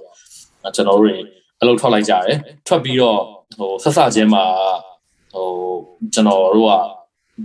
ကျွန်တော်တို့မဟုတ်ကျွန်တော်ကပေါ့နော်ဆက်စချင်းမှာကျွန်တော်ရဲ့ plan ကပါရှိရလဲဆိုတော့ကျွန်တော်ဒီအာနာမသိငယ်ပေါ့နော်ကျွန်တော်ဒီ2021နှစ်လယ်ပိုင်းမဟုတ်ရင်ဒီ အဲ September 7လောက်ကျရင်ကျွန်တော်အလုပ်ထွက်ချင်တယ်ပေါ့နော်အလုပ်ထွက်မှာပါဆိုကျွန်တော်ဒီရုံးမှာလောက်ရအဲ့ကာလာဆိုကျွန်တော်6နှစ်ကျော်9နှစ်ထဲရပြီးတော့ကျွန်တော်ပင်ပန်းလာတော့ကျွန်တော်အလုပ်ထွက်မယ်ကျွန်တော်ခဏတည်းနားမယ်ပြီးရင်ကျွန်တော်ကျွန်တော် communication networking ကိုကျွန်တော်အရင်စိတ်ဝင်စားတယ်ကျွန်တော်အဲ့လို agency ဘက်မှာ NGO ဘက်တစ်ခုကိုကျွန်တော်အလုပ်ပြောင်းမယ်ပေါ့ကျွန်တော်စဉ်းစားရပေါ့နော်အဲ့တော့အလုပ်ထွက်လိုက်တယ်ပေါ့နော်ထွက်လိုက်ပြီးရဲ့အချိန်မှာအာ ဒီတည်ရလို့ရတည်သွားကြရပေါ့နော်တည်သွားကြရကျွန်တော်အမှန်ကို plan တော့ကိုခဏပြုံနာမယ်နားပြီးတစ်ခုခုပြန်အလုပ်လုပ်မယ်ပေါ့နော်ဒါပေမဲ့အဲ့လိုအဲ့လိုမျိုးအာအလုပ်ထွက်လိုက်ပြီး3-4ရက်လောက်ပဲကြာတယ်အာကျွန်တော်ဒီ foreign media တကူက contact line လုပ်တယ်ပေါ့နော်သူတို့တွေအဲ့ဒီက producer ပေါ့နော်သူကသူတို့တွေဒီ documentary တခုလုပ်ဖို့ plan ရှိရဲစိတ်ဝင်စားလာလုပ်လို့ပေါ့ကျွန်တော်ကလည်းအဲ့ဒီအချိန်မှာလုံးမယ်ပြန်ဖြစ်သွားတယ်ပေါ့နော်ဘာလို့လဲဆိုတော့ကိုလည်းသတင်းသမားဆိုတော့အငြိမ်မနေနိုင်ဘူးဟို အဲ့လို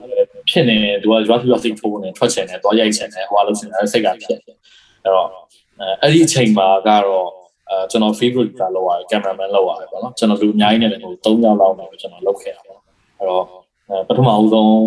documentary ပေါ့နော်အဲဒီ ABC Australia နဲ့ပေါ့နော်ကျွန်တော်ဒီ ABC Australia နဲ့အလုပ်စလုပ်တယ်အာလုံးလုံး30ရက်နေ့ရလားမသိတင်လိုက်တဲ့ YouTube မှာတင်တဲ့ဟာလားမသိဘူးဟုတ်မယ်ကိုကျွန်တော်လည်း ဟုတ်တယ်ကျွန်တော်လည်းတင်ခန့် profile မှာတော့ share ထားတယ် July 30ရက်နေ့ဒီဟို ABC နဲ့ဟိုဟာမြန်မာနောင်ကိုကိုဆွေဝင်းလားသူဝင်းလို့ပါတယ်ပေါ့နော်ဟုတ်တယ်ဟုတ်ကဲ့ဟုတ်ကဲ့ဆိုတော့အာအဲ့ဒီဟာစလုပ်ဖြစ်တယ်ပေါ့နော်အဲလုပ်ဖြစ်ရနေပြီးတော့ဒီအဲ့ဒီအချိန်မှာ free producer စလုပ်ရတယ်ပေါ့နော်လုပ်ရတော့အဲသူတို့နဲ့ကတော့ systematic အရင်မဖြစ်ဘူးဘာလို့လဲဆိုတော့ဟိုကျွန်တော် contact လုပ်တာတူတယောက်ပဲ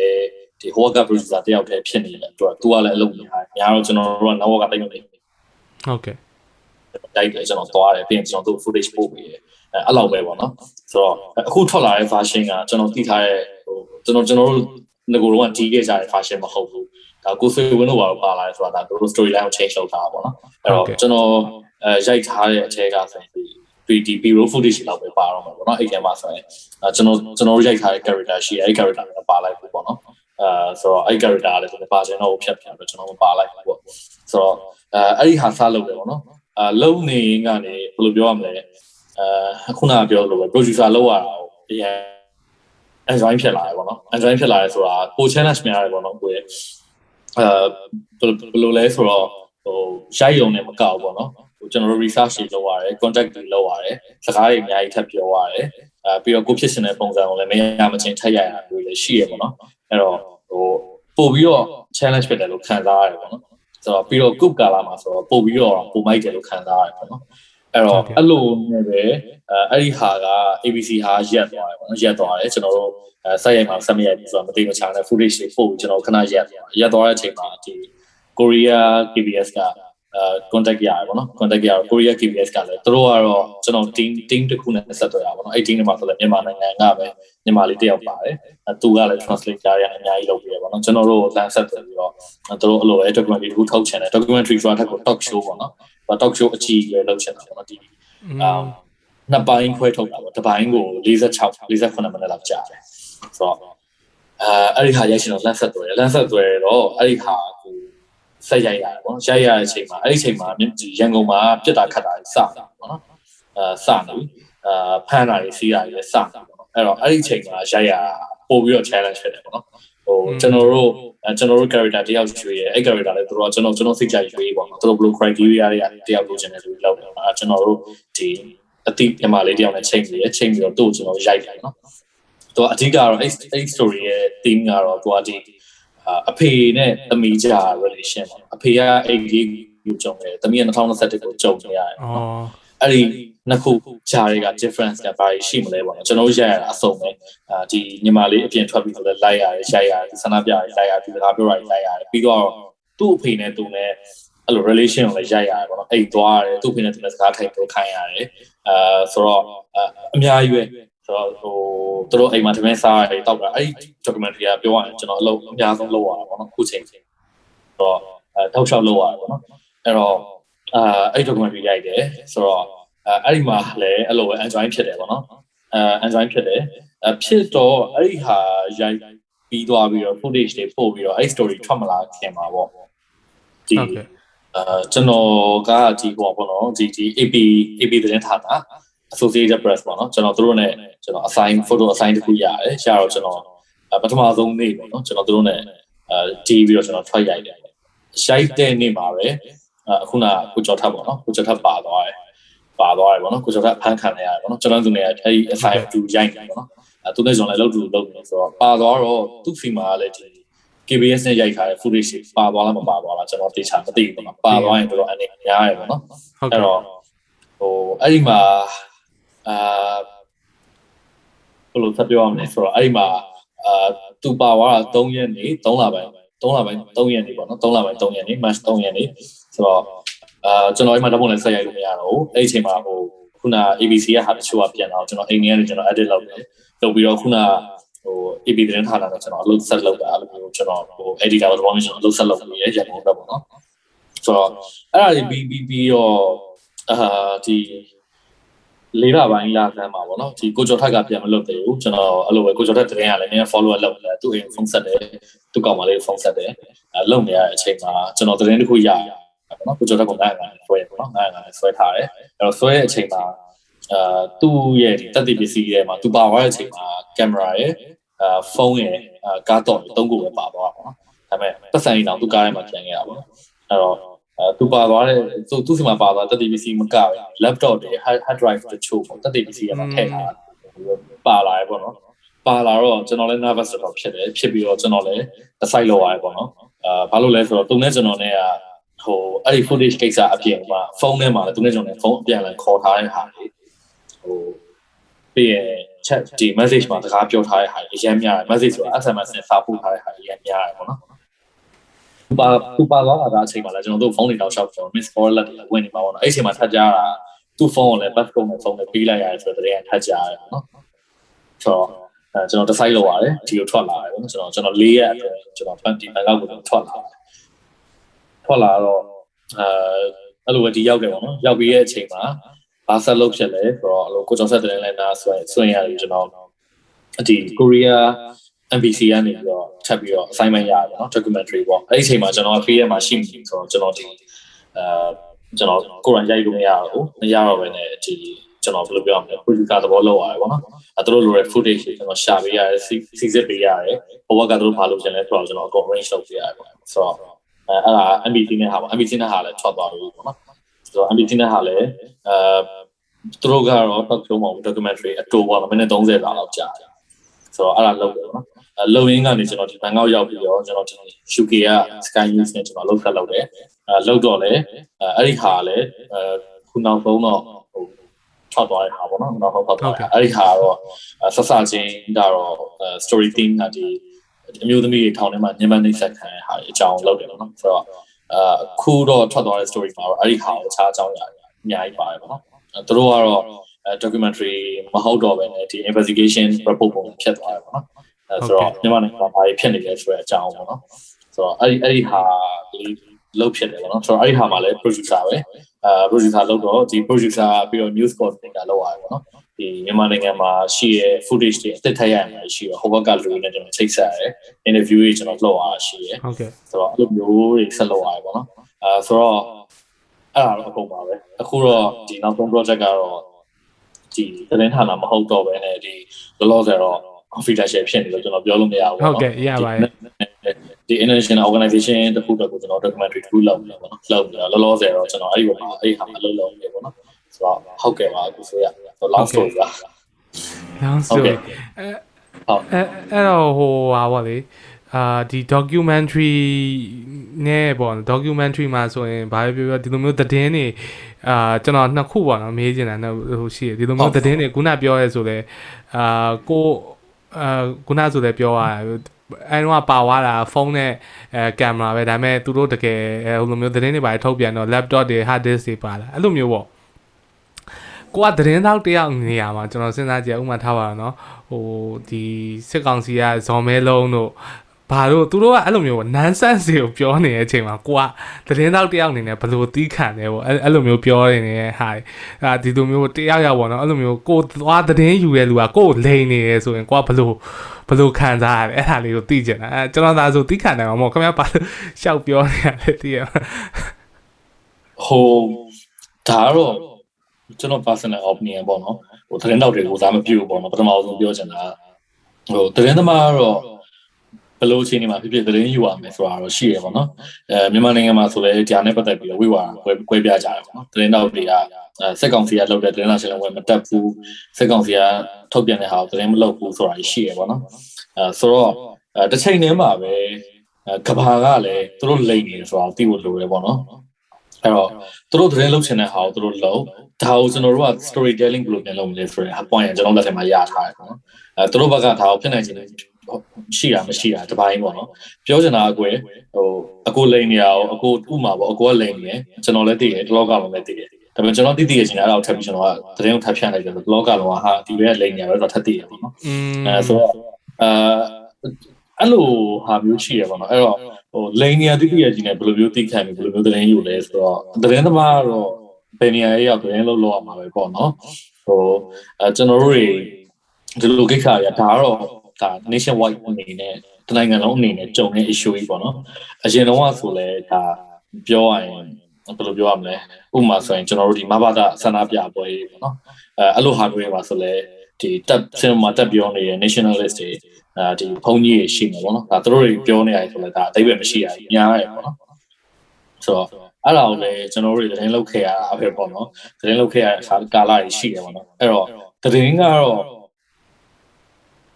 သတင်းရတော့သတင်းသမားတော့သတင်းရလုပ်နေရမယ်အဲတစ်ဖက်ထဲမှာလည်းအဲပြည်သူကဒီလိုလိမ့်နေဆိုရင်လည်း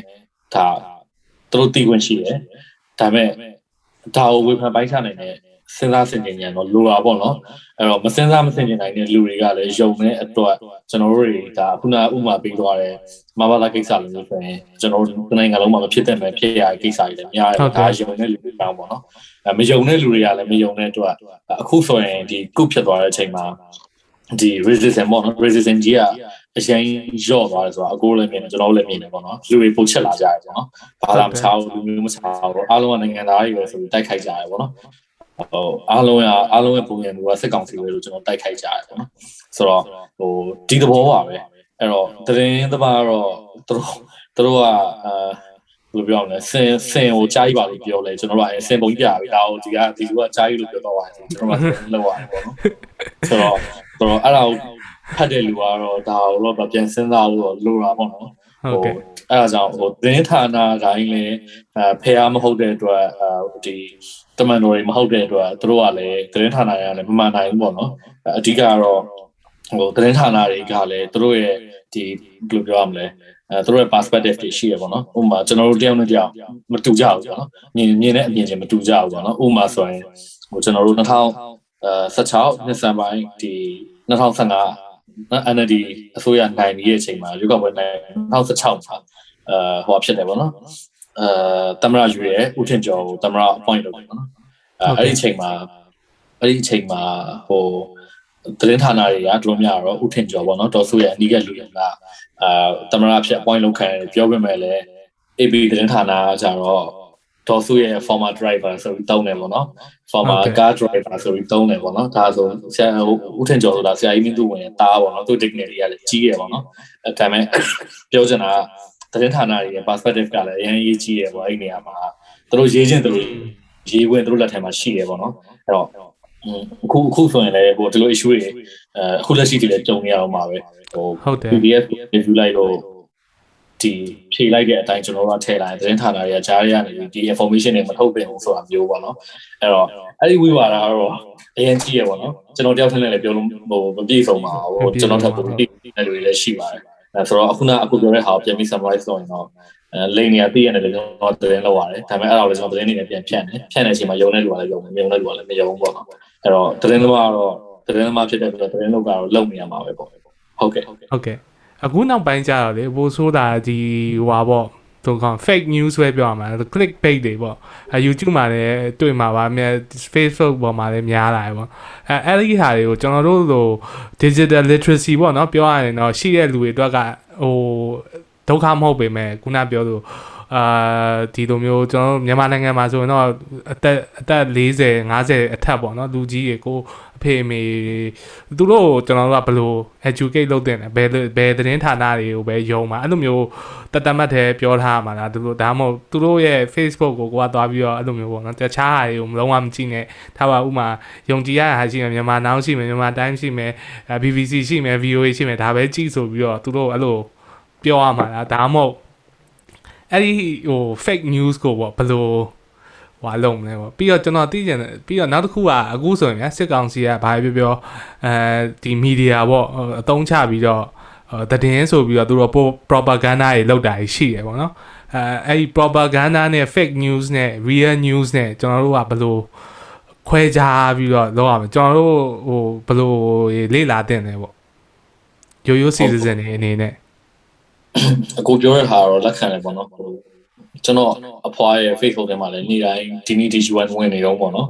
ဆိုတော့အမြဲရှင်းရတယ်ပေါ့နော်ဖုန်းဆက်ပြီးဆိုရင်လည်းတော့သူပြန်လုပ်ပြီးရောအမြဲအဲ့ဒီဟာကြီးကျွန်တော်ဖုန်းပြောရအဲကျွန်တော်အဖေစီကဆိုလည်းကြားရတယ်ရှိရပေါ့နော်ဆိုတော့ဖုန်းပြောရင်အမြဲရှင်းရတယ်ပေါ့အဲဆိုတော့ဘယ်လိုခွဲခြားမလဲဆိုတော့အာ ကျွန်တော်ကတော့ကျွန်တော်ထွက်မလာခင်မှာကျွန်တော်အဖေဖုန်းကိုကျွန်တော်မလုပ်ပေးခဲ့လဲဆိုတော့သူ့ Facebook ယူရပါတော့ယူပြီးတော့ကျွန်တော် reliable ဖြစ်တဲ့သတင်းဌာနကျွန်တော်ပြန်အင်္ဂလိပ်လိုပဲဖတ်တယ်ဆိုတော့ reliable ဖြစ်တဲ့သတင်းဌာနကျွန်တော်အခု20လောက်ရှိရပါတော့ကျွန်တော်အဲ့ page တွေကျွန်တော် save first လုပ်ပေးခဲ့တယ်နော် အဲ့တော့အခုရဲ့သတင်းဌာနတစ်ခုတစ်ခုကအများနဲ့တရက်တက်က post နေတာအများကြီးပေါ့နော်ဆိုတော့သူ့ new feed မှာအဲ့ဒါတွေပဲပေါ်တော့ကျွန်တော် page ကအဲ့ကြားတဲ့ဟာတွေရောရော့သွားတယ်ဒီထွက်လာပြီးတော့မှတိတိကျကျရော့သွားတယ်ပေါ့နော်သူလည်းသတင်းမှန်ပြန်တွေ့လာတယ်ပေါ့ဥပမာခက်တဲ့တော့ခုနပြောတဲ့တခြားအဟိုရရှိပါရှိနေပေါ့အဲ့လိုဒီဒီဒီ local သတင်းဌာနတချို့ပေါ့နော်ပြီးရင်မြန်မာနိုင်ငံအကြောင်းကိုသတင်းလုပ်တဲ့သတင်းဌာနတွေရှိရပေါ့အဲ့ဒီဟာတွေပေါ့နော်အဲ့တော့ဟိုသူ့စီကတော့အဲ့ကျွန်တော်အဲ့ဒီနီလန်ကိုသုံးတယ်ပေါ့နော် ဟိုကျွန်တော်ပတ်ဝန်းကျင်ကတကယ်ချင်းနေဆိုတော့ကျွန်တော်အဲ့လိုပဲလောက်ခိုင်းနေပေါ့နော်အဲ့လိုဖုန်းယူပြီးတော့မဆိုင်တာဖြတ်ခိုင်းလိုက်ပေါ့နော်ဟိုအဲ့လိုမျိုးလုပ်ဆိုပြီးကျွန်တော်လောက်ခိုင်းနေပေါ့နော်ဒါကတော့မိဘတိုင်းမှာတော့လုပ်လို့မရဘူးထင်တယ်ပေါ့နော်တချို့မိဘတွေလည်းခင်ပြီးတော့သူတို့ဖုန်းယူခိုင်းလုပ်မယ်ဆိုရင်မကြိုက်ဘူးဆိုတာမျိုးတွေကြုံရနိုင်တယ်ပေါ့နော်အဲ့တော့ခင်မိရဲ့မိဘဆိုရင်တော့လေအကောင့်ဘက်ကပြန်လို့ရင်တော့လေသူတို့အဲ့အမျိုးတွေမယုံဘူးလို့မျှော်လင့်ရတယ်ပေါ့နော်ဆိုတော့ဟိုစစ်ကောင်စီဘက်က propaganda လုပ်တဲ့တဲ့ရင်ကတော့အာကျွန်တော်ထင်ပါတယ်ကျွန်တော်တို့ အကိုတို့ generation ထက်ကိုတို့ကပိုပြီး used to ဖြစ်နေခဲ့ပြီပေါ့နော်။ဘာလို့တို့ကတို့ကဟိုကျွန်တော်တို့ထပ်ပို့ပြီးတော့ဒီ88တော့အဲ့ဒီရှေ့ကဟာတွေပါတို့အများကြီး propaganda တွေကြုံနေရတာပေါ့နော်။အဲ့တော့တို့ကအဲ့ဒီဟာတွေနဲ့ပတ်သက်ပြီးတော့ကျွန်တော်ထင်တယ်စိတ်လှုပ်ရှားမှုတိတ်မရှိဘူးဆိုတော့ကျွန်တော်ထင်တယ်ပေါ့ဒါကျွန်တော်အမြင်ပါ။ဆိုတော့ဟိုဟိုအဲ့လိုပေါ့ဟိုတခါမင်းအောင်လည်းပြောသွားလို့ငါပြောသည့် site ပါပေါ့ something တွေမှာအဲ့လိုမျိုးတွေဆိုင်တို့ကအတူတန်ဖြစ်နေကိုရီးယားကလည်းထိုင်ခုနေတာ ဒီမှာကြီးရတယ် finance တွေပေါ့နော်ဒါကြီးပြောစရာလားဆိုတော့ဟိုအဲဆိုတော့အဲ့ဟာကြီးပေါ့နော်တစ်ခုကနောက်တစ်ခုကတော့အခုပြောတဲ့ clip clip bait တွေပေါ့နော် clip bait တွေကတော့ကျွန်တော်လည်းတွေ့တယ်ဟို Facebook မှာလည်းတစ်ခါကျရင် sponsor post တွေတွေ့ရပါတော့ဥပမာပါတယ်လေရင်ဝင်လာပြီးတော့ဖုံးကျဲသွားတယ်ပေါ့ဆန်းနေလိုက်တယ်ကိုရောဝန်ခါလေးကျနှိမ့်ပြီးပြည့်သွားတယ်ပြီးတော့မှဟာဒီသတင်းရလွယ်နေပြီဒါ clip bait လောက်ထားတာငါဝင်ကြည့်လိုက်တော့ပတ်စံရသွားနိုင်တယ်ဆိုပြီးကိုမဝင်တော့ဆိုတော့ဟိုနောက်ပိုင်းတော့သတိထားတယ်ပေါ့အဲ့ဒီဟာတွေ ဆိုတော့ဟိုလူကြီးတွေကအကွာ clip bait ကိစ္စကတော့လူတွေဘယ်လို awareness ပေးလို့ရမလဲကျွန်တော်လန်လန်ပြီးလောက် awareness ပေးပါတော့ကျွန်တော်တို့မြို့နေဒီမြို့ကြီးပြမြို့ကြီးမှာဒါတော့ discrimination လုပ်တာမဟုတ်ဘူးမြို့ကြီးပြကြီးမှာနေတဲ့လူတွေနယ်မှာနေတဲ့လူတွေကတရင်နဲ့အလံဝေးရမှာတရင်နဲ့အလံဝေးတော့သူတို့ကပို့ပြီးတော့ယုံပဲအခု internet ဖြတ်တဲ့တောက်တဲ့ချိန်တော့ဆိုလဲ ဟိုကျွန်တော်ဆိုရင်အဲ့ကာလာမှာဆိုဖုန်းတွေရမ်းပြောရတယ်ပေါ့နော်။နေရလူတွေကျွန်တော်အတိမိတ်ဆွေရဖုန်းမြန်ဆက်တယ်ဟိုသတင်းကြားရဟုတ်လားဒီသတင်းကြားရဟုတ်လားဆိုတာမျိုး။အဲ့တော့ဟိုအဓိကတော့ဒီ Telegram လို့ပါတော့မှလည်းသတင်း channel တွေရမ်းများလာအခုဆိုရင်ဟုတ်တယ်ဟိုကျွန်တော်ပုံမှန်ကြည့်ပြတာလေဒီ fact checking နဲ့ပတ်သက်တဲ့ဟိုဟာလေးရှိရပါတော့အာ channel လေးရှိရကျွန်တော်အဲ့ထဲမှာကျွန်တော်ဝင်ကြည့်ရကျွန်တော် grind လဲ fact checking လုပ်တာစိတ်ဝင်စားရပါတော့စိတ်ဝင်စားတော့ ဟိုကျွန်တော်အသိတွေပိုင်းအများကြီးဆိုတော့ကျွန်တော်ကျွန်တော်ကျွန်တော် Telegram channel ကြီးလောက်ထားပြီးလောက်ထားပြီးတော့အဲ့ထဲကလူတွေတယောက်ပြီးတယောက်ပြမှာပါဘူးကျွန်တော်လည်းအဲ့ဟာအဲ့ channel ကျွန်တော်ပြန်ဖြတ်လိုက်တယ်ထားတော့ပေါ့နော်သူတို့တော့ဒုက္ခရမှာဆိုလို့ဆိုအဲ့တော့ဟိုအခုထိလည်းအဲ့လိုဟိုအတိတွေလုံနေဟို EDM EDM 17လား something ဟိုဟုတ်တည်ကျွန်တော်ဒီဒီတယောက်လုံးဟာပေါ့နော်သူတို့ဟာလည်းရက်သွားပြီနဲ့တူတယ်အဲဒီဟာလေးလည်းသူတို့လည်းရက်သွားပြီသူတို့လည်းအဲ့လိုပတ်စံများပဲလုံနေရသူတို့လည်းကြာလာတော့ ဟိုနည်းနည်းဒါကတော့ပင်ပန်းလာမှာပဲဝါသနာပါလို့စေတနာနဲ့လှုပ်လာတယ်ဖြည်းဖြည်းနဲ့ဒါကြီးကမလုံမနေရကြီးဖြစ်လာတော့သူတို့လည်းပင်ပန်းလာမှာပေါ့နော်အဲ့တော့ဟိုဆိုတော့အကွယ်အဲ့တော့တက်နိုင်တဲ့လောက်တော့ကိုယ်ပတ်ဝန်းကျင်လူတွေ awareness ပေးကြရအောင်ပေါ့နော်ကျွန်တော်တို့လုပ်ရတာဒါပဲရှိရပါတော့လောလောဆယ်က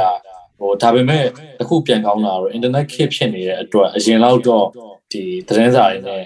propaganda လုပ်လို့မရတော့ဘူးပေါ့နော်အဲ့တော့လောလောဆယ်အထီးကလည်းအဲသတင်းဌာနတွေကလည်း ဟိုအခုလက်ရှိဒီကြံနေတဲ့သတင်းဌာနတချို့ရှိရပေါ့နော်လူတွေဌာနတချို့ရှိသူတို့ကလည်းပြောရရင်စစ်ကောင်စီနဲ့ပတ်သက်တဲ့သတင်းဆိုရင်သူတို့ရှောင်ရေးရပေါ့နော်အဲသူတို့ကသူတို့မထိကလို့ထိကလို့သူတို့ဆက်နေရပေါ့နော်သူတို့ဆက်ပြီးလုံးလုံးနေဝင်ရဖို့အတွက်ဆိုပြီးတော့ရှောင်ရေးရပေါ့နော်အဲ့တော့အဲ့လိုမျိုး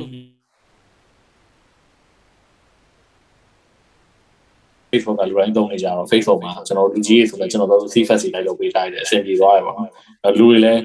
ကိုပြီးပါတယ်လူကြီးတွေရှင်အဲ့လိုလုပ်ပေးတဲ့တယ်လို့ထင်တယ်ပေါ့နော်ဟုတ်ကဲ့ဟုတ်ကဲ့ဟုတ်ဟုတ်ကဲ့ဟိုပြီးတော့လေဒီဒီလိုမျိုးလောက်လာရတဲ့အထက်မှာဒီလိုမျိုးပေါ့ journalist အာဒီဒီလိုမျိုးသတင်းတွေယူတဲ့အချိန်ကြာကျွန်တော်ဆိုရင်ဗျာဥမာထားပါတော့ဒီလို documentary ပဲဖြစ်ဖြစ်ဘယ်လိုပဲဖြစ်ဖြစ် အာ emotion ပေါ့ကိုယ့်ရဲ့ emotion ကိုဘယ်လို control လုပ်လဲပေါ့ဘာဖြစ်ဆိုတော့ကျွန်တော်ကြားဘူးอ่ะအာဒီသတင်းသမားဆိုတာဟိုလိုမျိုးပေါ့ခုနပြောသူ bias မဖြစ်ရဘူးလို့သိရမလားဗတ်မလိုက်ရဘူးအဲ့လိုမျိုးကြီးကြားဘူးလားဆိုတော့ဒီ emotion ကြာတော့ဘယ်လို control လုပ်လဲပေါ့ documentary လုပ်တယ်ဆိုလည်း emotion တွေရှိမှာသတင်းတစ်ခုဝမ်းနည်းစရာသတင်းတစ်ခုကိုကသွားယူရတယ်ဆိုအဲ့ emotion ကိုကိုကဘယ်လို handle လုပ်လဲပေါ့ဟုတ်အခု အဲဆိုတော့တရင်သမားပဲမဲ့လေလူတွေကလူဆိုတော့ emotion ကတော့ဖြစ်ကြတယ်ပေါ့နော်အဲကျွန်တော်ဆိုရင်ဒီရန်ကုန်မှာဖြုတ်ခွင်းတာတွေစတဲ့အချိန်ပေါ့နော်အဲဒီတော့ဆိုရင်ဒီလှဲနှမ်းမှာပေါ့နော်မမဲ့ရလှဲနှမ်းမှာသူတို့တစ်ခေါက်ဖြုတ်ခွင်းတယ်ပေါ့ဖြုတ်ခွင်းတော့ဒီလှဲနှမ်းစီအရှိန်မှာပေါ့နော်အဲကျွန်တော်တို့ကအဲ့အချိန်မှာအာကျွန်တော်တို့ဒါမမဲ့ရမီနီကုန်းမှာပထမဆုံးစပြီးဖြုတ်ခွင်းတယ်ပေါ့နော်အဲ့ဒီအချိန်မှာ ကျွန်တော်ကဒီ American တိုင်းဝင်လာရကျွန်တော် footage ကိုသွားရိုက်ရိုက်နေရမြင်နေကုန်းမှာဖြုတ်ခွင်းတဲ့ကြောင်ကျွန်တော်ပြေးရပါတော့ပြီးတော့ရဲရအပြည့်ပိတ်ထားပြီးတော့မြင်နေကုန်းတရားဘာမှမရှိတော့တော့ရှင်းနေပြီအဲ့တော့အဲ့ဒီအချိန်မှာတရင်သမားဟိုဒီဒီဟိုပေါ့ဒုက္ခဒုက္ခပါမှာထက်တယ်အဲ့ဘက်မှာဖြုတ်ခွင်းတဲ့ကြားလို့ဆိုကျွန်တော်တို့တွေကားရင်ကျွန်တော်အဲ့ဘက်ကိုသွားကြတယ်သွားကြတော့ဟိုရောက်တော့ ဘာမှမရှိတော့ဘူးဒါပေမဲ့ဖြုတ်ခွင်းသွားတယ်အဲ့နားမှာရှိတဲ့သူကလူဒီဟိုဟာတွေဒီ tear gas ပုံမြဒီကြီးကအခွန်ကြီးပေါ့နော်အဲကျွန်တော်တို့ပြကျွန်တော်တို့ပုံမှန်ရဲအဲ့ချိန်မှာဘာဆက်ကြလဲဆိုတော့ plan ဘက်မှာကားတွေတက်သွားတွေ့တယ် plan ဘက်မှာတစ်ခုဖြစ်တော့ကျွန်တော် plan ဘက်ကိုပြန်ပြေးကြတယ်ပြေးကြတော့ကျွန်တော်တို့ဒီဟိုပါပေါ့နော်ဥထုံးစင်း challenge တွေကနေပြီးတော့ ဒီဟိုကဟိုပါလေစင်ဂီယာတို့ level 0ရှိတဲ့လမ်းမှာပေါ့နော်ကျွန်တော်တို့ဒီ insect လမ်းမှာလေဟိုကကိုကျွန်တော်ပြန်ပြီးတော့အဲ့ဒီလမ်းမှာကိုကျွန်တော်ပြန်ဖြတ်တာအခုသိမှာပါဒီ level 0နဲ့ညာသင်ကြရလားအာဟုတ်ဒီလမ်းတည်တယ်အဲ့လမ်းမအောင်လို့ရက်ွက်တွေကဖြတ်ပြေးရပါတော့ပြေးတဲ့အချိန်မှာအဲ့ရက်ွက်တွေကလို့ကျွန်တော်တို့ကျွန်တော်တောက်တယ်ပေါ့တင်းသမားတွေပေါ့ဟိုကင်မရာရင်းနဲ့ပေါ့အဲ့အချိန်မှာရက်ွက်တွေကအောင်ထွက်လာလက်ခုပ်တွေဝိုင်းကြည့်ရပေါ့ဆိုတော့တင်းသမားတွေရောက်လာပြီဆိုတော့လက်ခုပ်ဝင်တဲ့အချိန်မှာလိုက် ဟိုအဲ့လိုစိုးတက်လာတယ်ပေါ့နော်အော်သူတို့ငါငါတို့အားကိုးတယ်ပေါ့နော်ဆိုတော့အဲ့ feeling ရတယ်ပေါ့စိုးတက်လာတယ် one and one တာနော်ဘာဆိုတော့ဟိုမြန်မာနိုင်ငံမှာ case ဆက်ဆက်ကတင်းသမားတွေကဘယ်လိုပြောရမလဲမှားလို့မရဘူးမှားရင်တူနိုင်ငံလုံးဝိုင်းဆဲရပါတော့အကိုလည်းသိပါတယ်ဟိုရှိခဲ့ပါတော့ writer writer ကကိုဝါလုံးလုံးကိစ္စကိုဝါလုံးလုံးဟုတ်ကဲ့တော့အဲသတင်းသမားခုနကကျွန်တော်ပြောသွားလို့သတင်းသမားသတင်းယူဝင်အပြေးဝရှိတယ်ဒါပေမဲ့သူတို့လုပ်လိုက်တဲ့သတင်းကိုဒါမကြိုက်ဘူးကြိုက်တယ်ဒါ လူတွေကပြန်ဆုံးဖြတ်ပြီးတော့ဒါသူတို့ကသူတို့ခေါင်းစဉ်တွေတက်ပြီးတော့နိုင်ငံရောင်းစားတယ်ဒေါ်လာနဲ့ရောင်းစားတယ်လို့ဖြစ်တော့ထားပါတော့ဗောနော်အဲ့တော့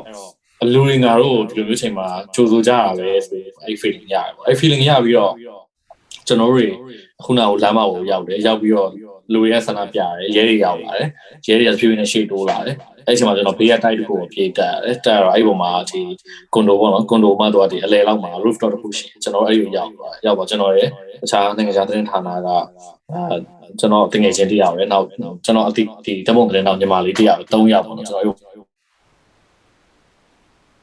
လူတွေအားလုံးကပြေးကုန်တယ်သူတို့မိရဲ့လူတွေလိုက်ဖမ်းနေနော်ဖမ်းတော့အဲ့ဖမ်းနေတဲ့မြင်ကွယ်ကိုမြင်ရတဲ့အချိန်မှာ အဲ့လိုပေါ့နော်ရှိုင်းနှက်ပြီးတော့ဖမ်းနေတာပေါ့နော်ဆိုတော့ဟိုလုံးဝကိုဖို့တက်လာတယ်ပဲအဲ့လိုပေါ့ကျွန်တော်ဓာတ်ပုံရိုက်နေတယ်ကျွန်တော်ဓာတ်ပုံရိုက်နေတော့အဲ့လိုမြေကြလာတယ်ပေါ့နော်မြေကြလာဟိုဟိုအခုထိလည်းကျွန်တော်အဲ့ဒီဟာပြန်ပြောကျွန်တော် nervous ဖြစ်တယ်ပေါ့နော်အဲ့ဒီက freak out ရမ်းဖြစ်တယ် ဆိုတော့ဟိုပထမအဆုံးအချိန်ကျွန်တော်မရှိရှင်မှာဒါကြီးကိုလုံငင်းရရဲလူဘာမှလက်နဲ့မပါတဲ့လူတယောက်ကိုရဲရအလုံးရင်းနဲ့ရိုက်နေဝိုင်းဖမ်းနေဆိုတာပြီးတော့အဲ့လူကလည်းမှားတော့လုံးလို့မဟုတ်ဘူးအမှန်တရားကိုတောင်းဆိုနေတယ်ဒီမိုကရေစီကိုတောင်းဆိုနေတဲ့တာမန်ပြည်သူတယောက်ပေါ့နော် criminal မဟုတ်ဘူးပေါ့နော်လုံးရက်လေးချင်းဆိုပြီးတော့အဲ့တော့အကိုမေးရဲ့မိကုန်းဖြစ်ရရင်တော့ဟိုတရင်သမားတွေကမပြရပဲရှိရှိမယ်ပေါ့နော်သူတို့မှာ emotion တွေရတော့ရှိကြတယ်ဆိုတော့အဲ့ဒီအချိန်မှာ ကျွန်တော်ဘေးကနေကျွန်တော်စိတ်မကောင်းဘူးနော်သူဆိုလဲဒေါသကြီးထွက်ပြီးသူလဲဆဲနေတာတောက်ချောက်ဒီကောင်နေဘာဖြစ်တယ်ညာဖြစ်တယ်ဆဲနေတာပေါ့နော်အဲ့တော့ဟိုဆိုတော့ emotion ကိုတော့မပြအောင်ပေါ့ကိုရပုံမှန်ကတော့ bias မဖြစ်ရအောင်ပေါ့အဲ့တော့ကျွန်တော်အမြင်ကတော့သတင်းဌာနအဲသတင်းသမားတယောက်အနေနဲ့ free ထဲမှာ emotion ကတော့လူပဲကိုခံစားရတော့ခံစားလို့ရတယ်ဘာမှဖြစ်ဘူး that's fine လို့ကျွန်တော်ပြောချင်တယ်ပေါ့နော်ဟို ဟိုဒါပေမဲ့သတင်းပြန်လုပ်တဲ့အချိန်ကြရင်တော့ bias မဖြစ်ရဘူးပေါ့ဟိုပြောချင်တာကတော့ဟိုအဲ့လိုပေါ့နော်ရဲကဒါအချမ်းဖတ်ဖြိုခွင်းနေဆိုတာလောက်ထက်ကျွန်တော်တို့ကအထပ်သုံးလို့ကျွန်တော်မကောင်းဘူးပေါ့နော်ဥပမာကျွန်တော်တို့စိတ်ထဲမှာဖြစ်တဲ့ emotion တွေရှိဒီကောင်တွေကိုဆဲခြင်းတွေအမုန်းချေခြင်းတွေရှိတယ်ပေါ့နော်ဆိုတော့အဲ့ဒါကိုကျွန်တော်ထည့်ပြီးလို့မရအောင်ထည့်ပြီးသတင်းလုပ်လို့မရအောင်ပေါ့နော်ဆိုတော့ဖြစ်စဉ်ကိုပဲဒါအင်အားသုံးပြီးတော့အချမ်းဖတ်ဖြိုခွင်းပြီးလူတွေမတရားဖန်ဆီးသွားတယ်ဆိုတာမျိုးတော့ကျွန်တော်လုပ်လို့ရတယ်ပေါ့နော် ဆိုတော့ဟို bias ဖြစ်ခြင်းမဖြစ်ခြင်းကတော့ခုနကလို free ရမှာတော့ကျွန်တော်ထင်တယ်ပေါ့နော်ဒါကျွန်တော်တို့အချင်းချင်းကပြောပြကြတာကျွန်တော်လူတွေကလူလူတွေကလူမှာကိုယ်နိုင်ငံမှာကိုယ်နိုင်ငံသားအချင်းချင်းလူမျိုးလုံးနေတာမြင်ရတဲ့အချိန်မှာကျွန်တော်စိတ်မကောင်းဘူးကျွန်တော်ဆိုရင်ဒီ 2015မှာအာအကိုလည်းသိမှထင်ပါတယ်ဒီចောင်းသားတပိတ်ပဲလက်ဗရန်မှာအချမ်းဖတ်ပြီးဖြိုခွင်းတယ်အကိုမှတ်မိမှထင်ပါတယ်အဲ့ဒီတော့ကကျွန်တော်ပြီးနေခဲ့ရပါတော့ဒါကျွန်တော်ဘဝမှာလာပထမအဆုံးအချိန်အဲ့တော့ကဒါကျွန်တော်ပြောရကျွန်တော်အဲ့တော့မြန်မာတိုင်းမှာတော့လုံးမလုပ်သေးဘူးကျွန်တော်အဲ့တော့ကအဲ့လိုပဲလက်ဗရန်မှာပိတ်မိရကျွန်တော်ထပ်သွားရိုက်တာပေါ့နော်အဲ့တော့အဲ့တော့ကဆိုလည်းမျက်စိရှေ့မှာမြင်ရတယ်ဒေါသတွေထွက်တယ်စိတ်တွေတိုးတယ်ပြီးတော့ကြောက်တယ်နော်ကျွန်တော်ရောကတကယ်တော့လည်းမဟုတ်သေးဘူးဖန်ခံရင်ကျွန်တော်မှဌာနလည်းမရှိဘူးကျွန်တော်လိုက်ရှင်းမယ် အဲ့တော့ကြောက်တယ်နော်အဲ့တော့ဆိုရင်ကျွန်တော်ငယ်လေးရငယ်လေးအဲ့တော့ဆိုရင်ဆိုတော့အခုအဲ့လိုအဲ့လိုတွေကတော့ဟိုရှိရပါတော့ဟို emotional ကတော့ဖြစ်ကြတာပဲဒါပေမဲ့ခုနကလိုသတင်းလောက်တဲ့အချိန်မှာတော့အာဒီလိုကိစ္စတွေကတော့အခုပြောသလိုပဲ bias ကမဖြစ်ရဘူးဒါပေမဲ့ဖြစ်တဲ့လူတွေလည်းဖြစ်တယ်ပေါ့နော်ဥပမာဆိုရင်အဲဘယ်လိုပြောမလဲတိုင်းသားတဲ့ကနေသတင်းသမားဖြစ်လာလို့ရှိရပေါ့နော်ဆိုတော့တိုင်းသားတွေကမှအဲ့လို နာဒီတာဒီလိုသူတို့စိတ်ထဲမှာစစ်တပ်ကိုသဘောမကျဘူးမြန်မာလူမျိုးတွေကိုသဘောမကျဘူး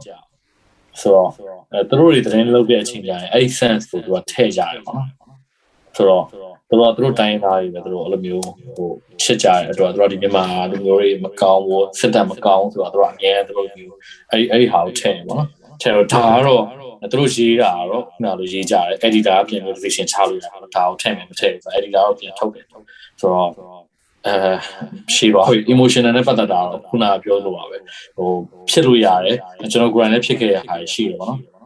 နော်ဆိုတော့ဟိုအဓိကတော့သတင်းပြန်လုပ်တဲ့အချိန်ကြရင်တော့ bias ဖြစ်ဖို့အရေးကြီးရပေါ့နော်ဒါပေမဲ့သတင်းယူနေတဲ့အချိန်မှာတော့အနေနဲ့များဖြစ်မှာပဲကျွန်တော်တို့ဆိုရင်ဟိုဟိုထားပါတော့ဟိုမိဘမဲ့ကလေးအကြောင်းမျိုးတွေမှာတောင်းသွားရရရပျော်ရဲပေါ့နော်ကလေးတွေနဲ့တွေ့ရတော့ဒါလည်းပြောရရင် emotional ပဲ positive positive emotion ပေါ့နော်ဟို ဒေါ်ဖန်စုကြည်ကိုပထမဆုံးအချိန်တပုံရရတော့လည်းပျော်တာပဲသိရမလားအာဒါတကဘာလုံးကနာမည်ရဲ့ဒီအမျိုးသမီးကိုငါတပုံရိုက်ခွင့်ရခဲ့ပြီပေါ့နော်ငါဌာနတော့ဥစားပြုကျွန်တော်ပျော်တာပဲဒါလည်း emotional ပဲဟုတ်ကဲ့ဒီ feeling တွေကတော့ရှိကြမှာ emotion တွေကတော့အခုလူပဲဆိုတော့လေလူကစိတ်စိတ်ကလည်းရှိတော့ပျော်တာဟုတ်ကဲ့မနေတာရှိကြမှာဆိုတော့ that is fine ပေါ့နော် that's totally fine ဒါပေမဲ့တရင်လုပ်တဲ့အချိန်မှာတော့ bias မဖြစ်ဖို့အရင်ကြီးကြည့်ရပါတော့ဒါကျွန်တော်အဲ့ဒါပြောချင်ပါတယ်ဟုတ်ဟုတ်ကဲ့ဟုတ်ကဲ့ အဲ့တော့ဟိုကိုအောင်ခန့်ဒီဒီလောက်လာတဲ့တက်တန်းအတွင်းမှာကိုအမှတ်အရဆုံးကိုအဲ့လိုမျိုး top 3ပဲဖြစ်ဖြစ်ဓာတ်ပုံပေါ့ဘယ်ပုံနေကိုကိုအကြိုက်ဆုံးလဲအခုချိန်ကြီးပေါ့လောက်လာတဲ့ဒီတက်တန်းတစ်ချောင်းအဲ့ဆုံးဓာတ်ပုံ3ခုလားအခုဒါမှမဟုတ်ရင်အဲ့လိုရှိုက်ခဲ့တဲ့အကြိုက်ဆုံး assignment 3ခုလား အာနှစ်ခုဆုံးပြောပြောပြောကြည့်ပေါ့နှစ်ခုဆုံးပေါ့ဓာတ်ပုံအရင်က photo journalist ဆဲလုပ်ခဲ့ဆိုတော့နှစ်နှစ်ခုဆုံးပေါ့ဟုတ်ဟုတ်အာဆိုတော့အဲအခုန Lebron ပေါ့နော် Lebron ကျောင်းသားတပိတ်ဖြုတ်ခွင်းခံရအောင်ပေါ့ကျွန်တော်အဲ့ဒီကဆိုပုံကောင်းကောင်းမရဘူးကျွန်တော်ကျွန်တော်အဲ့ဒီကဆိုအဲကျွန်တော်ကျွန်တော်အတွေ့အကြုံတွေကျွန်တော်အရင်နှုတ်ပြီးတော့ကျွန်တော်အရင်မရိုက်ရဲဘူးမရဲသေးဘူးပေါ့နော် အဲအဲ့တော့ဆိုအဲ့တော့ပုံတွေရှိရပါတော့အဲ့ပုံတွေဆိုရင်အခုချိန်ပြန်ကြည့်လိုက်ရင်ဟာဘယ်လိုရိုက်ခဲ့ရလဲပုံရဆုပ်ပြတ်တက်နေတယ်ဆို feeling အများကြီးရပါပြီကျွန်တော်အဲ့ဒီမှာရှိနေခဲ့ဆိုတဲ့ feeling ပေါ့နော်အဲ့တော့ဟုတ်ကဲ့အဲ့ဒီဟာအရင်ပျော်ရတယ်ပေါ့နော်အဲပြန်စဉ်းစားရင်အရင်ခုံနေပေါ့နော်ဆိုတော့အဲအဲ့ဒါတစ်ခုပေါ့နော်အဲနောက်တစ်ခုကတော့ကျွန်တော်2000နဲ့အဲ18 19ကျွန်တော်တင်19မှာ19မှာဟုတ်တယ်19 19မှာကျွန်တော်ဟိုကသွားတယ် ဝါဝါပြည်နဲ့သွားတယ်ပန်ဆန်းပေါ့နော်အဲတုန်းကအော်ဟုတ်ကဲ့ဒီမြန်မာနဲ့လှလားအလှတယ်ကိုအရန်လှတယ်ဒါပေမဲ့ဟို China China controlling ပေါ့နော်အဲ့လိုပဲပြောပါတော့ China China ရန် import ဖြစ်နေပေါ့အဲ့ဘက်ကသူတို့ဟို border လဲ border ဖြစ်နေတော့အဲ့တော့ဟိုအဲ့ဒီဘက်သွားတယ်ပေါ့နော်သွားတော့အဲ့တုန်းကတော့တေးရဝင်သွားတာပေါ့ဒီ China sorry ဒီ war နဲ့မြန်မာနဲ့ချစ်ချစ်တိဆောက်တာအနှစ်30အခန်းလာပေါ့နော်ဆိုတော့အဲ့ဒီပွဲသွားတယ်သွားတော့ကျွန်တော်တို့အဲ့မှာ war မှာကျွန်တော်10ရက်လောက်ကြာ10ရက်နှစ်ပတ်လောက်ကြာကျွန်တော်တို့တွေတရင်တွေလုပ်တယ်အစုံပဲပေါ့နော်ကျွန်တော်တို့တွေရှောက်လုပ်တယ် story ရှောက်လုပ်တယ် culture တွေကျွန်တော်တို့ဒီ casino တွေအဲ PND prostitute အဲပြီးရင်သူ့ရဲ့ night life တွေပြီးစတားတွေဆိုတော့အဲ့ဒါပြီးရဲ့အချိန်မှာကျွန်တော်ဘာလုပ်ကြလဲဆိုတော့ကျွန်တော်မိုင်းလာဆက်သွားတယ်ပေါ့နော် မိုင်းလာကတကယ်တမ်းဆိုရင်ကျွန်တော်တို့ရဲ့အလုပ်ကပန်ဆန်းမှာပြီးပြီပေါ့နော်ကျွန်တော်တို့ပြန်ရမှာပေါ့နော် officially ကျွန်တော်တို့လာရှိုးကနေလာတယ်လာရှိုးကိုပြန်ရတယ်ဒါပေမဲ့ကျွန်တော်တို့ကမပြန်ချင်ဘူးမိုင်းလာကိုသွားချင်တယ်ပေါ့အဲ့ကျွန်တော်တို့လည်းမပါတယ်ဒီသတင်းတော့ညီလေးကအဲ့ဒီမိုင်းလာဘက်နဲ့သူကအတိအကျွမ်းရှိတော့သူကဟိုဘကိုလမ်းချိတ်တယ်ချိတ်ပြီးတော့သူ အာဟိုက authority ကဒီအုပ်ချုပ်ရေးဖွဲ့ပြီးမိုင်းလာနဲ့ဝါနေမတူဘူးပေါ့နော်ကိုကိုတော့သိမှတင်ပါတယ်သူကဟိုဟိုဟာတွေပဲအထူးထူး data တွေပဲပေါ့နော်အဲ့တော့ကိုပိုင် program data တွေပေါ့နော်အဲ့တော့မိုင်းလာကိုကျွန်တော်ဆက်သွားကြတယ်ပေါ့နော်အဲ့တော့အဲ့ဒါကတော့ unofficial trip ဖြစ်သွားပြီဆိုတော့အဲ့ဒီမိုင်းလာရောက်တဲ့အချိန်မှာမိုင်းလာကဘာနဲ့နာမည်ကြီးလဲဆိုတော့ဒီ wild wildlife trafficking ပေါ့နော် wildlife trafficking နဲ့နာမည်တအားကြီးရယ်အာပြီးတော့ရင် casino နဲ့နာမည်တအားကြီးရယ်ပေါ့ဆိုတော့ကျွန်တော်တို့ အဲ့ဒီရောက်တဲ့အချိန်မှာ authority နဲ့တွားဆိုတော့ဟိုသူတို့ဘက်ကအုပ်ချုပ်ရေးဖွဲ့နေတွေ့ရသူတို့စီစဉ်နေတဲ့အတိုင်းတွားတော့ကျွန်တော်တို့ casino လည်းမရောက်ဘူး wildlife market ကလည်း shut down ချတယ် wildlife နဲ့လည်းမတွေ့ရအောင်ပေါ့နော်ဒါပေမဲ့ကျွန်တော်တို့ဘယ်ကိုရောက်သွားလဲဆိုတော့သူတို့ကကျွန်တော်တို့ဘယ်ထိလိုက်ပို့လဲဆိုတော့ဒီအခုမြန်မာနိုင်ငံမြေပုံကြည့်လိုက်မယ်ဆိုရင်လေဒီလက်ကလေးလို့ထွက်နေနေရရှိတယ်ဒီရှမ်းပြည်ဘက်အဲ့ဒီအဲ့ဒီထိတ်ဖြားကြီးကျွန်တော်ရောက်ခဲ့တာပေါ့နော်ဆိုတော့အဲ့နေရာကမိုင်းလာကနေဆိုရင်အာ၄နိုင်၅နိုင်လောက်ကပြန်မောင်းရတယ် ဆိုတော့အဲ့နာကပြောရရင်ရွှေတွေ့ကံပဲရွှေတွေ့ကံပေါ့နော်အဲ့ဒါရွှေတွေ့ကံပေါ့နော်ဆိုတော့အဲ့ထိတ်ကဘာလို့ရောက်သွားလဲဆိုတော့ဒီဘယ်သတင်းဌာနလဲကျွန်တော်မမှတ်မိတော့ဘူးသူတို့ကအဲ့ထိတ်ဖြားလေးမှာရွာတွေရွာရှိရပေါ့နော်အဲ့ရွာပြီးတော့ techno ဒီ technology နဲ့ပတ်သက်ပြီးတော့ company တစ်ခုက investor လုပ်ပါတယ်လာပြီးတော့တိဆောက်နေတယ်ဆိုပြီးတော့သတင်းဌာနတစ်ခုကရေးထားရှိ local ပဲပေါ့နော်အဲ့တော့အဲ့ဒီဟာမဟုတ်ကြောင်းသူကပြချင်တယ်ကျွန်တော်တို့ခေါ်သွားတာอืม ဆိုတော့ပြောရရင်မြန်မာနိုင်ငံထိပ်ပြားပေါ့နော်အဲ့နာဘယ်သူမှရောက်ဖို့မလွယ်ဘူးပေါ့နော်ဆိုတော့အဲအဲ့ဒီမှာလည်းဓာတ်ပုံတွေကောင်းကောင်းရခဲ့တယ်ပေါ့နော်အဲ့တော့အဲ့ဒီမှာလည်းဟိုပြောရရင်ဟိုလုံးဝဘာမှစကားလည်းမတတ်ကြဘူးအဲဆိုတော့အာကျွန်တော်အဲ့လိုရောက်သွားတယ်ရောက်သွားတော့အဲ့အဲ့အဲ့အဲ့အဲ့ခီးကပေါ့နော်မိုင်းလာကနေပြီးတော့အဲကျွန်တော်တို့ကျွန်တော်တို့ကျွန်တော်တို့ရှိနေမဲ့ကင်မရာတွေပစ္စည်းအကုန်လုံးဖွက်ဖွက်ပြီးကျွန်တော်ဘယ်ဘက်ကပြန်လာလဲဆိုတော့မိုင်းလာနဲ့စိုင်းတုံတွေက ကားမောင်းရင်တနာရွယ်ကွယ်ဒါပေမဲ့သူတို့ကစစ်ဖြစ်ထားတဲ့အတွက်အဲ့လန်ပိတ်ထားတယ်ပိတ်ထားတော့ပတ်ပြန်ပတ်ပြန်ပတ်ပြန်တော့အဲ့ခီက6နိုင်ကြာတယ်6နိုင်မှာဘာလို့ဖြတ်လဲဆိုတော့ဝမ်တာဘုံတာရှိတယ်ဝမ်တာဘုံကဒီစစ်ရေးရအရန်ဟိုအရေးပါတယ်မြန်မာနိုင်ငံရဲ့ဒီစစ်တပ်မှာအဲ့အရန်ရေးပါတယ်နေရာတစ်ခုပေါ့နော်ဝမ်တာဘုံကလို့တော်ကြီးတယ်အဲ့ဒီဘက်ကဒီအဲတအောင်လို့တခြားကိုကန်တော့အဲ့ဒီဟာတွေချဖို့တော့သူက အဲ့မှာတက်ရင်တွေတည်ထားတဲ့နေရာပေါ့နော်အဲ့ဒီမှာစူပေါင်းဂိတ်တွေလည်းရှိရပေါ့နော်ကျွန်တော်တို့အဲ့ဒါကိုရင်းခုံမှလည်းဖြတ်ခဲ့ရတယ်ပေါ့နော်အဲအခက်မတင်လို့အဲ့ဒီမှာကင်မရာတွေလူတွေကိုတွေ့ပါကားသမားလည်းလူကအဲ့ဒီမိုင်းလာကားသမားသူကလည်းတော်တော်ပိုင်နေပါကျွန်တော်တို့လောအောင်မသိနေဆိုပြီးတော့ကျွန်တော်တို့ကုန်နေအောင်ဆောင်ကျွန်တော်တို့တော့ကျိုင်းတော်ပြန်ပို့ပါဘောနော်အဲ့တော့ဘယ်သူမှဆက်လာပါအကယ်၍များကျွန်တော်တို့ဆိုတာ adventure ပဲပေါ့အာတည်သွားရင်ကျွန်တော်တို့ဒီ material တွေဆိုတော့ကျွန်တော်တို့က ဖန်ခံပါဘာလို့လဲဆိုတော့မိုင်းလာက NCM ထိုးရတယ်ထိုးရတယ်ကျွန်တော်တို့မိုင်းလာနဲ့ဆက်တယ်ကျွန်တော်တို့ဒီဒီဒီခုနပြောလို့ပဲကျွန်တော်မတရားသင်းဆက်တယ်ပေါ့နော်အဲ့တော့အဲ့ခီးစိန်တစ်ခုလုံးကဟိုအရင် adventure ဖြစ်တယ်ပေါ့ကျွန်တော်ပန်ဆန်းမှာဆိုလဲဒီထွန်းမြတ်နိုင်တို့ဒီ AA ကထွန်းမြတ်နိုင်တို့ပါ press conference ကိုကျွန်တော်သွားရတယ်သူတို့နဲ့ပြန်มาတွေ့ခွင့်ရတယ်အဲတရင်ယူဝင်ရတယ်ဆိုတော့အဲ့ခီးစိန်တစ်ခုလုံးကတော်တော်ကြီးကျန်းတယ်ပေါ့နော်ဆိုတော့ဟို အဲ့တော့ကစိန်မမရရပါတော့ဟို AA ကို warrant ထုတ်ပြီးတော့ဒီထွန်းမြတ်နိုင် warrant ထုတ်ထားတဲ့အချိန်အကြီးကျယ်ပေါ့နော်အဲ့တော့အဲ့ဒီပွဲမှာအဲ့ဒီပွဲမှာအဲ့ဒီ AA ကိုအကြောင်းကိုရေးလေပြောပြီးတော့ရေးလေလောက်ထားတာကဒီသမရရောဥစောထေးပေါ့နော်ဆိုတော့အဲ့ဒီပန်ဆန်းကဝါလောက်တဲ့ဒီပန်ဆန်းဒီမြန်မာနဲ့ဝါနဲ့230အခမ်းအနားမှာထွန်းမြတ်နိုင်လည်းလာတယ်ဥစောထေးလည်းလာတယ် ထွန်းမြတ်နိုင်ရှေ့တန်းမှာနေရာချထားတယ်ပေါ့နော်ထွန်းမြတ်နိုင်ရှေ့ဆုံးမှာထိုင်ရတယ်စေဦးချုပ်ပြရမယ်ဥစောထေးက3နှစ်တော့ရဲတော့ထိုင်ရတယ်ဆိုတော့အမှန်တော့ပြောရရင်မြန်မာအစိုးရထုံးမြနိုင်အောင်တေးရရှိရလူချင်းရဲ့အချိန်ကဥစောထေးရထုံးထုံးမြနိုင်တဲ့မျက်နှာချင်းတိုင်းထိတ်ကြိုက်ပြီးတွေ့ပြီးတော့ဘာမှလုပ်လို့မရအောင်ဝါမှာဖြစ်နေတဲ့တော့ပေါ့နော်ရှိရတယ်ပေါ့နော်ဆိုတော့အဲ့ခီးစဉ်ကတော့ကျွန်တော်တို့ကတော့မေ့နိုင်တယ်ခီးစဉ်ပေါ့နော် adventure ကြီးအများကြီးပဲပေါ့နော်ဟိုလက်နက်ကင်တွေဟိုအများကြီးနဲ့တွေ့ရပြောရတယ်ကျွန်တော်တို့ landing လုပ်ခွင့်ရတယ်နော် စိတ်ဝင်စားဖို့ကောင်းမြန်မာပြည်ရဲ့ power structure တွေဘယ်လိုအလုံးလုံးလဲဆိုတာကိုကိုယ်တိုင်မျက်စိရှေ့မှာတွေ့ရတာပေါ့မြင်ရတာပေါ့နော်ဆိုတော့အဲ့ဒါတခုပေါ့နော်အဲနောက်ဆုံးတခုကတော့ဟို obviously ဒီခုပေါ့နော် military coup ပေါ့နော်ဆိုတော့ဒါကလည်းလုံးဝကျွန်တော်ခေါင်းထဲမှာ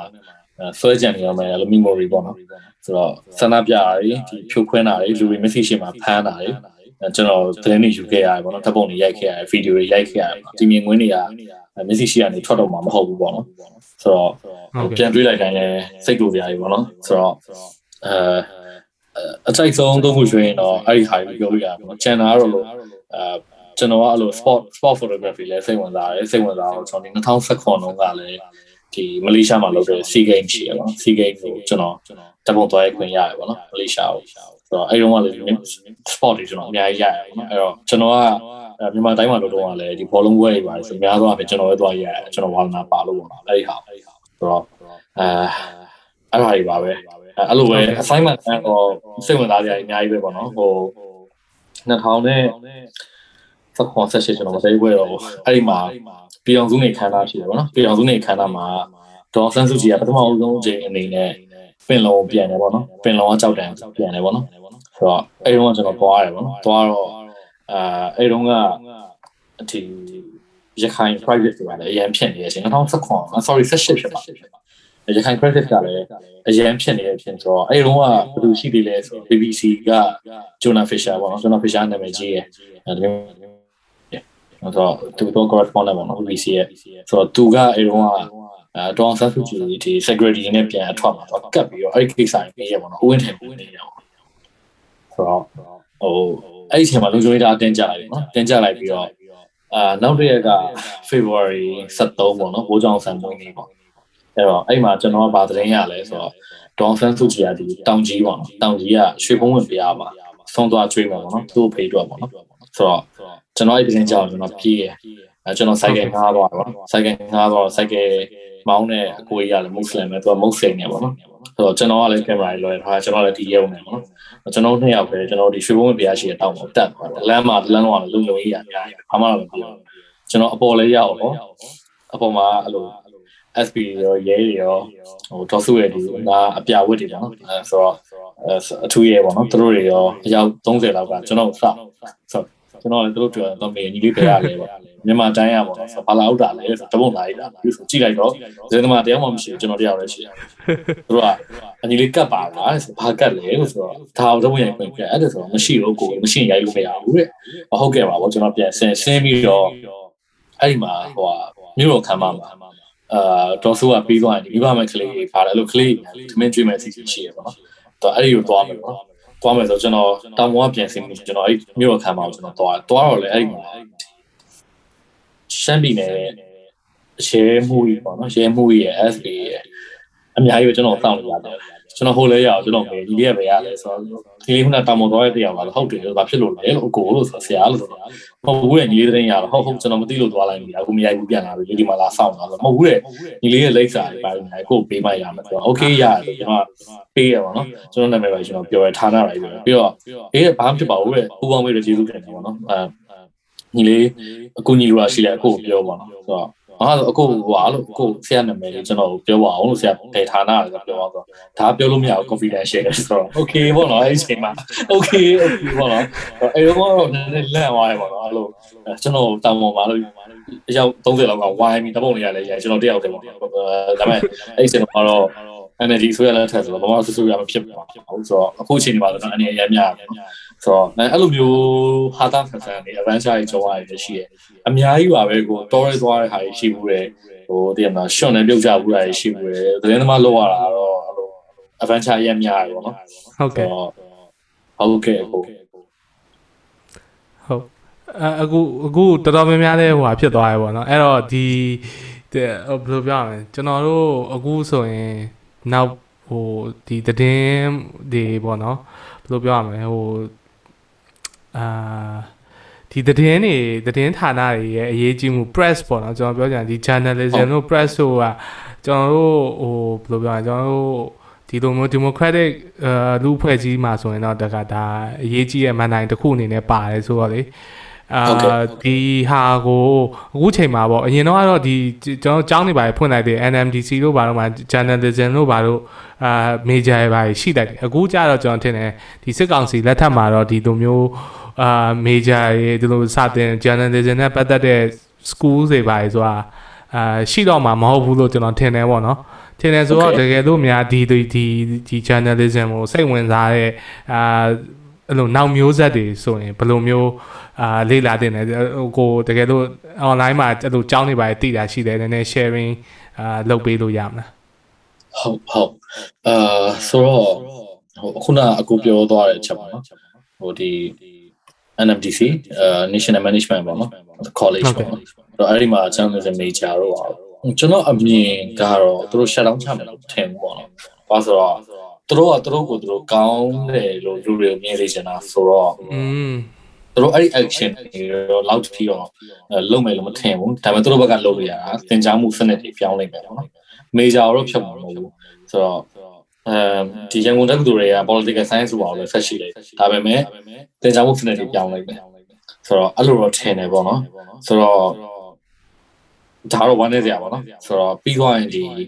အာဘာရှိအောင်လဲဆိုတော့ဒီရန်ကုန် journalism school တို့ဘာလို့ပြီးလဲအဲ shut down ဖြစ်သွားပြီလားတော့မသိဘူးပေါ့နော်ကျွန်တော်တခြားမသိဘူးဒါပေမဲ့အဲ့ဒီကောင်တွေလည်းဆက်ဆက်သွားပြီပေါ့နော် ဆိုတော့ဟိုအများကြီးပါပဲပြီးရင်ဟို international media support တို့ဘာလို့အဲ့လိုမျိုးတွေ IMS ဆိုတာက training ပေးနေရတယ်ရှက်သွားလောက်တယ်ပေါ့နော်ဆိုတော့အဲနောက်ပိုင်းဘယ်လိုလေ့လာရင်ရမလဲဆိုတော့အခုခေတ်ကတော့ internet ခေတ်ဆိုတော့ internet ကနေလေ့လာရနေရပေါ့နော်ဆိုတော့ဟိုအာနိုင်ငံခြားကအကြောင်းကြီးနဲ့ပတ်သက်ရင်တော့ကျွန်တော်တို့ဒီကျွန်တော်ကျွန်တော်ဆိုရင်ဓာတ်ပုံဆိုတော့ကျွန်တော်တို့ဒီကျွန်တော်တို့ကအများဆုံး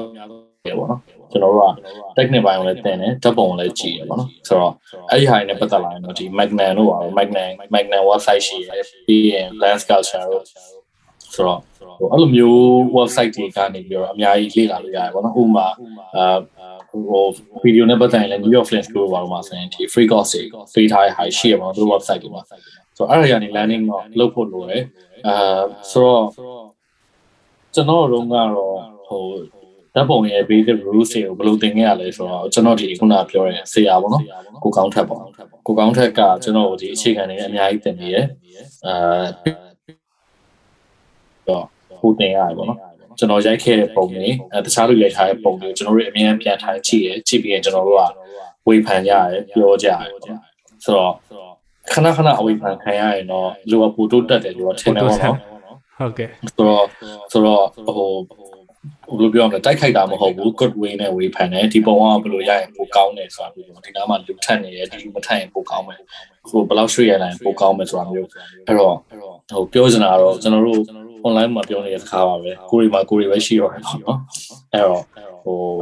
ကျွန်တော်ထင်ပါတယ် senior တွေလည်းအခုကျွန်တော် senior တွေရှိရပါတော့သူတို့လည်းအဲဘယ်အချိန်မှတင်ကျင်တင်ကျင် သူတို့တွေအများ welcome လုပ်ပါတယ်သူတို့တွေလည်းဟိုတင်မင်းနေပါတယ် sharing လုပ်နေပါတယ်ဥပမာကျွန်တော်လည်းဟိုဆရာမဟုတ်ပေမဲ့ကျွန်တော်သိရဟာဆိုလည်းကျွန်တော် share ပေးပါတယ်ပေါ့နော်ဟို online ပေါ်ကနေရောခုနလိုပဲဟိုစိတ်မကောင်းစရာကြီးပေါ့နော်ဒါကြီးကခုနအကိုပြောတဲ့ဟာတွေအကြောင်းတွေပါတယ်အကုန်လုံးကတော့ကျွန်တော်ထင်တယ်လောလောဆယ်မှာ shutdown ဖြစ်သွားဖို့များတယ်ပေါ့ဆိုတော့နောက်ပိုင်းလည်းဟိုမြန်မာနိုင်ငံရဲ့တဲ့ခန်းကန်တာက ဒီ2023သူတို့ရွေးကောက်ပွဲပြန်လုပ်မယ်ဆိုတာမတိုင်ခင်ပေါ့နော်အဲရွေးကောက်ပွဲပြီးရင်လည်းဒါပြောရရင်တော့စစ်တပ်ကနေရဝဲပြောင်းထားတဲ့အစိုးရတစ်ခုပဲပြန်တက်လာအောင်အဲ့တော့နောက်ထပ်9နှစ်ဘာဝင်10နှစ်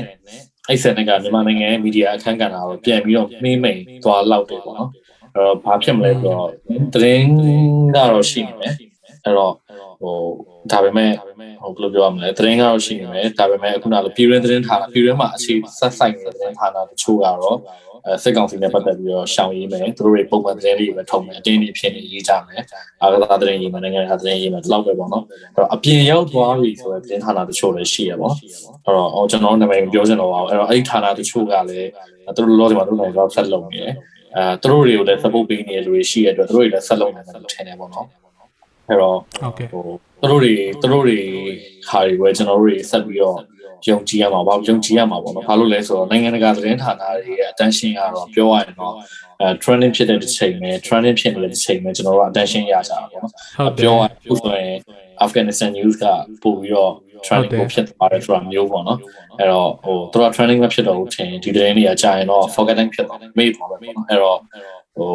ရှိနေတဲ့လူတွေကပို့ပြီးတော့ ဟိုဆက်ပြီးတော့လှုပ်ချရမယ်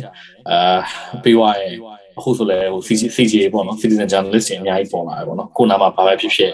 ဗီဒီယိုဓာတ်ပုံရိုက်ပြီးတော့တင်ပေးကြတယ်ကျွန်တော်တို့ဆိုရင်အဲ့ဒီခါနဲ့အရင်ကြီးအထောက်အကူဖြစ်ခဲ့တယ်ပေါ့နော်အဲ့တော့အဲ့ဒီလူတွေကိုလည်းအမြဲကျေးဇူးကျွန်တော်တို့ကျေးဇူးရှင်တွေပြောလို့ရတယ်အဲ့တော့ဖုန်းဆိုင်နဲ့သူတို့မှမကြောက်မိရနဲ့ဖြည့်ပေးရတယ်ပေါ့နော်ကျွန်တော်တို့သတင်းထားတာမှာပါမယ်ဆိုတာမျိုးပေါ့ဒီ CGA ရဲ့အခန်းကဏ္ဍအကြီးကုကြီးဖြစ်လာတဲ့အချိန်မှာ အရင်အရေးကြီးရပါတော့ပြောရရင်အားလုံးထက်အရေးကြီးရ CGA ရဲ့အခန်းကဏ္ဍအဲ့တော့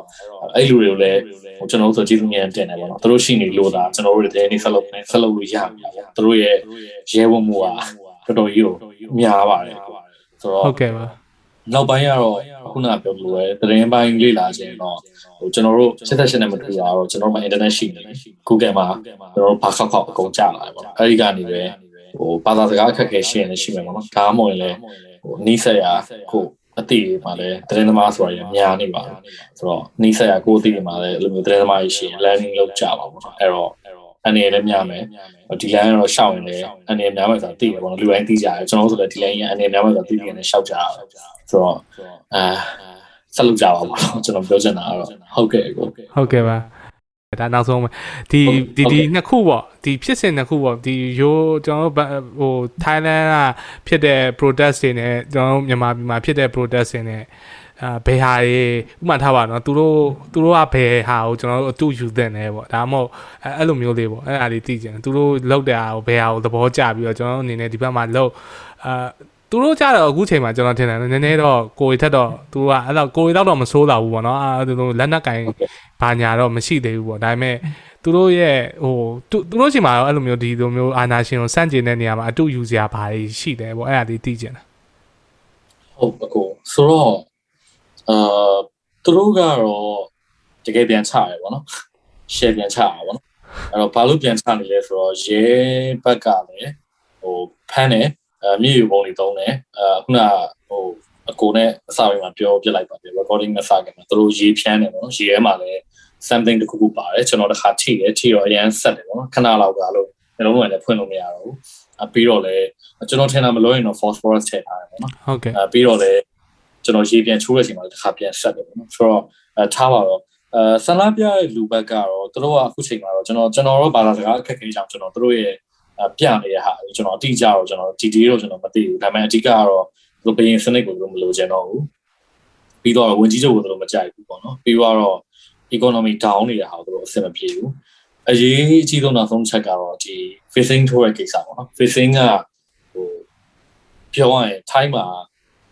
အလွှာတစ်ခုอ่ะပြီးပြီးမြင်မြထိုးပြီးသေးတယ်ပေါ့နော်အဲ့တော့အောက်ပိုင်းကအလွှာတွေကစိတ်တခြားမထိုးရဘူးပေါ့နော် အဲ့တော့တို့အဲ့ဒါမကျေနပ်ဘူးပေါ့နော်ဒါပြောရင် discrimination လုပ်တယ်ပေါ့ဒါနိုင်ငံသားတယောက်နေနိုင်ငံသားခွင့်ရသူကတောင်းတာပေါ့နော်ဆိုတော့အာဆန္ဒပြကြတဲ့နေရာမှာတော့တို့ကအာကျွန်တော်တွေ့ရတယ် LGBT ပြန် cycle နဲ့တို့ဆန္ဒပြအဲ့လိုတင်းပြီးတွေ့ရတယ်ပြီးတော့လူစုလူဝေးအကြီးနဲ့ဆန္ဒပြတဲ့အချိန်မှာတို့က share ပြန်ချတယ် share ပြန်ချတာတော့အဲ့လိုမျိုးဟိုဖြာအိုးတွေကိုဒီမှာလေးခွာရမှာထည့်ပြစ်တာအချင်းကြီးတို့တွေကိုလေးခွာရနဲ့ထည့်ပြီးဆော်တာတော့ ပြီးရင်ဟိုစနစ်ကြရဲပေါ့အဲ့လိုပေါ့နော်ရဲတွေကခိုးပြီးတော့ထိုင်ပြီးမှသွားတနေရာမှာခိုးထိုင်ပြီးကိုကြောင်ခိုးနေတယ်တို့ကဒီမြေယူပုံတရက်ကက်စီနဲ့ can နဲ့ဖြစ်တာပေါ့နော်အဲ့တော့ဆိုတော့တွေ့ပြီးဆိုတော့ဒီလူတွေရဲ့ဘက်မှာလူကြီးမှာ spotlight စိမ့်နေပါသူတို့အိမ်နိုင်နေမြေထိုးပြအိမ်မှာရှိရအိမ်မှာရှိရအဲ့ကိုပြက်သူတို့ချဆိုတော့အဲအဲ့လိုမျိုးတွေတွေ့ရပါတော့ဆိုတော့စနစ်ကြတယ်ပေါ့နော်သူကလူလဲညီတယ်နောက်ပြန်ဆုပ်လို့ဝုန်းလို့ပြန်ဆုပ်တယ်ပြန်တက်လို့ဝုန်းလို့ပြန်တက်တယ်ဆိုတော့ဟိုပြီးရင်ဟို ဒီအစိုးရပိုင်းတဲ့ဟာကသူတို့တမတယ်ပေါ့ဥပမာဒီဒီဒီ motor brigade နဲ့ပတ်သက်တဲ့စကန်အသေးလေးကိုလမ်းပေါ်မှာချထားတဲ့ area သူတို့အားလုံးပြီးရှို့တယ်တမ share လုပ်တာပေါ့နော်ပြီးရင်မီးရှို့မှပြန်ပြန်ပြစ်တယ်ဆိုတော့ဟိုသူတို့မကြောက်ဘူးပေါ့နော်ရန်ကုန်မှာဆိုရင်ကအာတီယာကနဲ့ဖြုတ်ပြီးရင်ရဲတွေလိုက်ပြီးဆိုရင်အကုန်ပြေးကြတယ်ပေါ့နော်ဒါကတော့ဒီမှာလည်းပြေးတယ်ဒီမှာလည်းတော့ပြေးတယ်ဒါပေမဲ့ရန်ကုန်မှာပြောရရင်ကိုရီဘက်ကအသာစီရတဲ့အချိန်အမြဲခဏလေးပဲကိုရီဘက်ကခဏလုပ်ပြီးရတယ်ရဲအမြဲဝင်တယ်ပေါ့ဒီမှာကတော့ကျွန်တော်တွေ့သလောက်ဆိုရင် ရဲကအာတနေကုန်လွတ်ထားတယ်လှုပ်ချင်ရလို့သူတို့ DRS နဲ့ပြင်မယ်ရေနဲ့ပတ်မယ်သူတို့ပြောတဲ့ line ကိုမတိုးလာဘူးဆိုရင်သူတို့ဘာမလုပ်ဘူးအဲ့တော့ဟိုဒီကလူရလည်းအထာတီတော့မကြော်ဘူးအဲ့ဒီစီးရကနေပဲသူကပြန်တမ share တမပြန်လုပ်တယ်ဆိုတော့ okay အဲ့အဲ့လူတွေဘက်ကပေါ့နော်ရဲတွေဘက်ကတော့အာဖမ်းလာလည်းရှိတယ်ဒါပေမဲ့အကြမ်းဖတ်တော့သူတို့ကြီးစစ်တော့မသုံးသေးဘူးကျွန်တော်လက်ရှိကျွန်တော်သိထား information သူတို့ DRS နဲ့ပြစ်တယ် rubber G နဲ့ပြစ်တယ် အဲ rubber ကြီးနဲ့ပြစ်တယ် DI gas နဲ့ပြစ်တယ်ပြီးရင်ခုနကပြောရရှေ့ဖြန်းတယ်အဲပြီးသွားရင်အဲတခုပေါ့နော်သူတို့သတင်းသမားတွေဖန်အောင်အဲ့တော့ရဲနဲ့အဲလူနဲ့ဖြစ်နေတဲ့အချိန်မှာမှကင်မရာပါတယ်လမောင်းမှာကျွန်တော်တို့လေအကုန်သိမှာပါဟိုကျွန်တော်တို့ငယ်တုန်းကကျောင်းမှာလေဆရာမတွေကိုတာဝန်ဆိုလက်ပတ်ပတ်တယ်တာဝန်ဆိုတော့အဲ့ဒီလက်ပတ်လိုမျိုးအဖြူပေါ့နော်သူကအဲ့လိုမျိုးဒီကအစိုးရထုတ်ပေးတာအဖြူရှိတယ်အဲ့ဒီဒီဒီ ကတရင်ဒီမကြီးဌာန something ပေါ့နော်အဲ့ရထုတ်ပြီးလက်ပတ်တစ်ခုရှိတယ်အဲ့ဒီထားပတ်ထားရင် press cat ဆွဲထားရင်ကင်မရာပါရင်သူကဘာမှမလုပ်ဘူးကျွန်တော်တို့ဆိုရင်ပထမတစ်ခေါက်တုန်းကတော့အာပထမတစ်ခေါက်တုန်းကတော့ကျွန်တော်တို့ရဲနဲ့ထိတ်တိုက်တွေ့တယ်ဘာမှမလုပ်ကျွန်တော်ပေးသွားတယ်သွားသွားဆိုသွားနိုင်တယ်အဲဒုတိယတစ်ခေါက်မှာတော့လူအုပ်ကြီးကဟောမှာပြေးနေတယ်ရဲတစ်ဘက်ကတက်လာတယ်ကျွန်တော်အလဲမှာကြားညက်တယ်ညက်တော့သူကအဝေးကနေလမ်းអော်တယ်ဘေးမှာထိုင်နေထမလာနဲ့ပြီးကင်မရာကိုမြောက်ပြတာပေါ့နော် ဆိုတော့မြောက်ပြထားတယ်အဲဘေးနားမှာကျွန်တော်ဘေးနားမှာထိုင်းလို့တက်တယ်တယောက်ပါတော့သူကအဲ့လိုပြောတော့ကျွန်တော်က okay ဆိုတက်နေပြသူတို့ AC ပဲအဲသူတို့အလားကလာအချိန်မှာကျွန်တော်ပုံမှန်ထိုင်ရတယ်ကျွန်တော်ဘာမလုပ်သူတို့ AC ပြန်ထွက်သွားတယ်ဖမ်းပေါ့နော်အဲ့တော့အဲ safe ဖြစ်တယ်ပေါ့နော်အဲဒါပေမဲ့ထိုင်းမှာလည်းသတင်းသမားတွေတမရဲ့ရှေ့မှာဥမာကြီးအဲ history တော့ရှိရပေါ့နော် ဆိုတော့လောလောဆယ်မှာတော့ကျွန်တော်တို့ဒီဒီဒီစစ်ကောင်စီတော့တော့သူတို့ကမစိုးသေးဘူးပေါ့ပြောရမယ်ဆိုမစိုးသေးဘူးမစိုးသေးဘူးဆိုတော့ရန်ကုန်မှာတော့တည်ရတိုင်းဟိုအကို press cat ဆွဲထားဖို့အဝေးပေါ့နော်ကင်မရာကင်မရာပါဦးတော့အဝေးဖုန်းထောင်ပြီးတက်ဖို့ရိုင်တာမင်းဘာကြီးစားလဲဆိုပြီးတော့ဖုန်းဆွဲခွဲတာလူဆွဲဖမ်းတော့တော့လုံနေဆိုတော့ဟိုကျွန်တော်တို့မှာတည်ရမှာဟိုကျွန်တော်ဆိုရင်ပုံမှန်ဆိုရင်အဲ့လိုကင်မရာနှလုံးလောက်နဲ့ကျွန်တော်ထွက်တယ်ပေါ့နော်ဒီ daily တက်ထားတစ်လုံးတော့က white တစ်လုံးဒါပေမဲ့ကျွန်တော် တကယ်ဖြစ်လာတဲ့အချိန်ကျတော့ကျွန်တော်အဲ့လိုတစ်လုံးလေးနဲ့ပဲတိတိလေးနဲ့ပဲကျွန်တော်ထွက်ရတယ်ကျွန်တော်အကြီးအောင်ဆုံးမယူရဲတော့ပြီးတော့ဝတ်တာတင်းတော့မှအဲအရင်မသိတာလေဝတ်စားပဲဝတ်သွားရတယ်အဲ့လိုမျိုးလူတွေနဲ့ရောလို့တော့လို့ရပုံစံဝတ်စားသွားရတယ်ဆိုတော့အမ်မြန်မာနိုင်ငံလူတွေကတော့ဘာအတူယူပြန်လဲပြောရမလဲဆိုတော့ခုနကဆန္ဒပြရရောဒီဘက်ကလူတွေကစနေရကြတယ်ပေါ့နော်ဆိုတော့မြန်မာနိုင်ငံလူတွေစနေမကြဘူးပြောချင်တာမဟုတ်ဘူးမြန်မာနိုင်ငံလူတွေတို့နိုင်လာသူတို့ပြန် fight နေတာအခုထိလည်း fight နေတော့ဒါကျွန်တော်တို့အပြေးအဝနားလေကျွန်တော်တို့ဒါ appreciation လုပ်နေတယ်အဲ ဆိုတော့ဟိုဒီဘက်မှာတော့သူကဟိုတောက်လျှောက်ကိုမလျှော့ဘူးလူတွေကလည်းအဲရန်ကုန်မှာလိုမျိုးစိတ်စိတ်ပေါ်မှာနေရာတွေမကွဲဘူးပေါ့တနေရာတိုင်းမှာစုပြီးပြကြတယ်ဒါပေမဲ့ time မှာတော့အားတာတော့ cycle စီးလို့ရအောင် cycle နဲ့လာကြတယ်ကားတွေပိတ်နေပေါ့ cycle တွေတော့ဟိုတိုးတီတိုနဲ့လာပြီးတော့လုပ်တယ်ပေါ့နော်အဲ့တော့ဟိုတစ်ခေါက်များဆိုကျွန်တော်မသိရှိမှာပဲဟိုအဲ့ဒီဆန္ဒပြတဲ့နေရာကျွန်တော်တို့ထွက်လာအဲ့ချိန်မှာရဲနဲ့လူတွေကလည်းပွဲကျန်းနေအဲ့ချိန်မှာပဲဒီဘက်မီပွိုင်းချောက်တဲ့ချိန်မှာကားတွေပုံမှန်သွားနေမီပွိုင်းမီပွိုင်းနဲ့ရဲကအတန်ရဝယ် အပြည့်ပေါ့အဲဘေးနာလူတွေကအဲ့ကားတွေဝိုင်းတမအမှန်တွေခွဲကားယူဝိုင်းဆောင်ကန်စိုက်ကယ်နဲ့ပြစ်တာအဲ့ချဲကားတွေကရဲရဘာမှပြန်မလုပ် อืม တော်တော်ကောင်းထွက်သွားတယ်ကားတွေကပိန်ချိုင်မှန်နေကွဲပြီးထွက်သွားတယ် ဒီမှာဆိုရင်တော့ဘယ်လိုမှမဖြစ်နိုင်ဘူးပေါ့နော် အဲ့ဒီ ဒါ ခံပါ ဟိုဘယ်လိုပြောရမလဲ तू ဒီဒီဒါကလည်းอืมအဆင်ရှိတဲ့ပြောရရင်တော့နော်ရိုင်းကျွန်တော်ပြောရရင်နည်းနည်းရိုင်းသွားရင်တော့ဆိုတော့အဲ့လိုအဆင်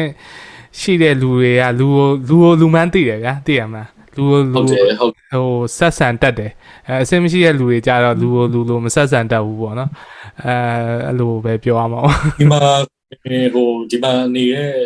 ပမာကြီးပေါ့နော်ဟိုကျွန်တော်အသိငယ်တွေကျတော့အမြင်ပြောရပါတော့ပမာရဲနဲ့ထိုင်းရဲနဲ့အတူတူပဲပေါ့နော်ထိုင်းရဲလည်းအကျင့်မကောင်းဘူးပေါ့ဒါပေမဲ့သူတို့ကလူတွေကိုအကျင့်မြုပ်ဘူးပေါ့နော်အကျင့်မြုဟုပ်တ်တယ်အဲသူတို့ဟုတ်တယ်ဘုရားနဲ့ပတ်သက်တဲ့ကြီးရပေါ့နော်ဒါပေမဲ့ပိဿာရှိကပေးလိုက်ဒုက္ခမပေးဘူး ပြီးပြီဘာမှမလုပ်ဘူးဟိုလက်စားတာတော့သိရလက်ကတော့သူတို့လည်းစားတာပဲဒါပေမဲ့ကျွန်တော်ပြောခုနလိုမျိုးလူလူချင်းပေါ့နော်မတရားမလုပ်ဘူးဆိုတော့ဟာတခုတော့ရှိသေးတယ်သိရမလားလက်စားတာတော့ corruption ဘိုင်းကတော့ဒါကတော့ရဲဆိုရှိမှာပဲဘယ်နိုင်ငံမှာပဲဖြစ်ဖြစ်သိရမလားဟိုရှိဒါဒီမှာ AC ပဲသူတို့ကသူတို့ပြင်ရဲရလည်းသိရမှာပြောရရင်အာဗမာရဲလိုဘိုက်ဘူးပင်ကားတွေမဟုတ်ဘူးသိရမလားဘိုက်ဘူးပင်ကောက်တွေမဟုတ်ဘူးဒီကရဲရတော့တောင်းတောင်းဖျောင်းနေတယ်ပါရဲမြင်နေတယ်ရဲနဲ့တူတယ်ဗျရဲစက်နဲ့တူတယ်ပေါ့နော်ဆိုတော့ဟို သူတို့ကသူတို့ AC ပဲဒီကရဲရပြီးရင်ဟိုကျွန်တော်ချင်းမိုင်မှာဆိုရင်နေခဲ့တော့ဟိုညဘက်လောက်ပဲရဲတွေ့ရတယ်ပေါ့နော် live set တာပြူတာဒီနေ့ကုန်နေငန်းဆိုင်မို့တော့ဘီလည်းမတွေ့ရဲလည်းမတွေ့ဘူးဟို ACC ပဲဟိုမြို့ကတော့သူပုံမှန်သွားလာနေတယ်ပေါ့နော် CCTV နေရာရှိတယ်သူတို့ control center နေကြည့်နေတခုပြင်သူတို့ဝုန်းကိုရောက်လာတယ်ဒီလောက်ပဲဆိုတော့အဲ့ဖြစ်အောင်မနေကြဘူးပေါ့နော်ရန်ကုန်မှာဆိုရင်တည့်ရတိုင်းရဲကဟိုသားတွေ့ဒီနာတွေ့နေပြီးရင်လည်းလုံလုံနေရတာဆိုမဟုတ်ဘူးစလိတ်တော့ကွင်းရစားနေတယ်ခမ်းများများပေါ့နော် ပြီး uniform လည်းအပြည့်မပါဘူးသိရမလားအပြည့်မပါဘူးသူကဒီကရဲကတော့လူရဲနဲ့တူအောင်သူနေကြတယ်ပေါ့နော်အဲဆိုတော့အဲ့ဒီဟာလေးတခုတော့မဆိုးပေါ့နော်ကျွန်တော်တွေ့ရတဲ့ဟာတွေမှာတော့ဟုတ်ကဲ့ဟုတ်ကဲ့ဟုတ်ကဲ့ကွန်ခန့်အဲ့တော့ကျေးဇူးပါကျွန်တော်ဒီလိုမျိုးအချိန်အများကြီးပေးပြီးတော့အာမေးသမျှမငီးမညူဖြည့်ပေးတဲ့အတွက်လည်းကျေးဇူးပါအာနောက်လည်းကျွန်တော်ဟိုကျွန်တော် podcast ကိုလည်းအာထပ်ပြီးတော့ visit လုပ်ပေးပါအောင်လို့အာပြောရင်းနေဟုတ်ပဲပြီပါတွေ့ရဖန်ပါမင်းကြည့်ပါ ကြည့်ပါတယ်ကျွန်တော်မေးပြီးရတော့လေဟုတ်ကဲ့ပါဟုတ်ကဲ့ပါ see you ပါအဲ့ဒါဆိုရင်ကျွန်တော် See you ပါဟုတ်ကဲ့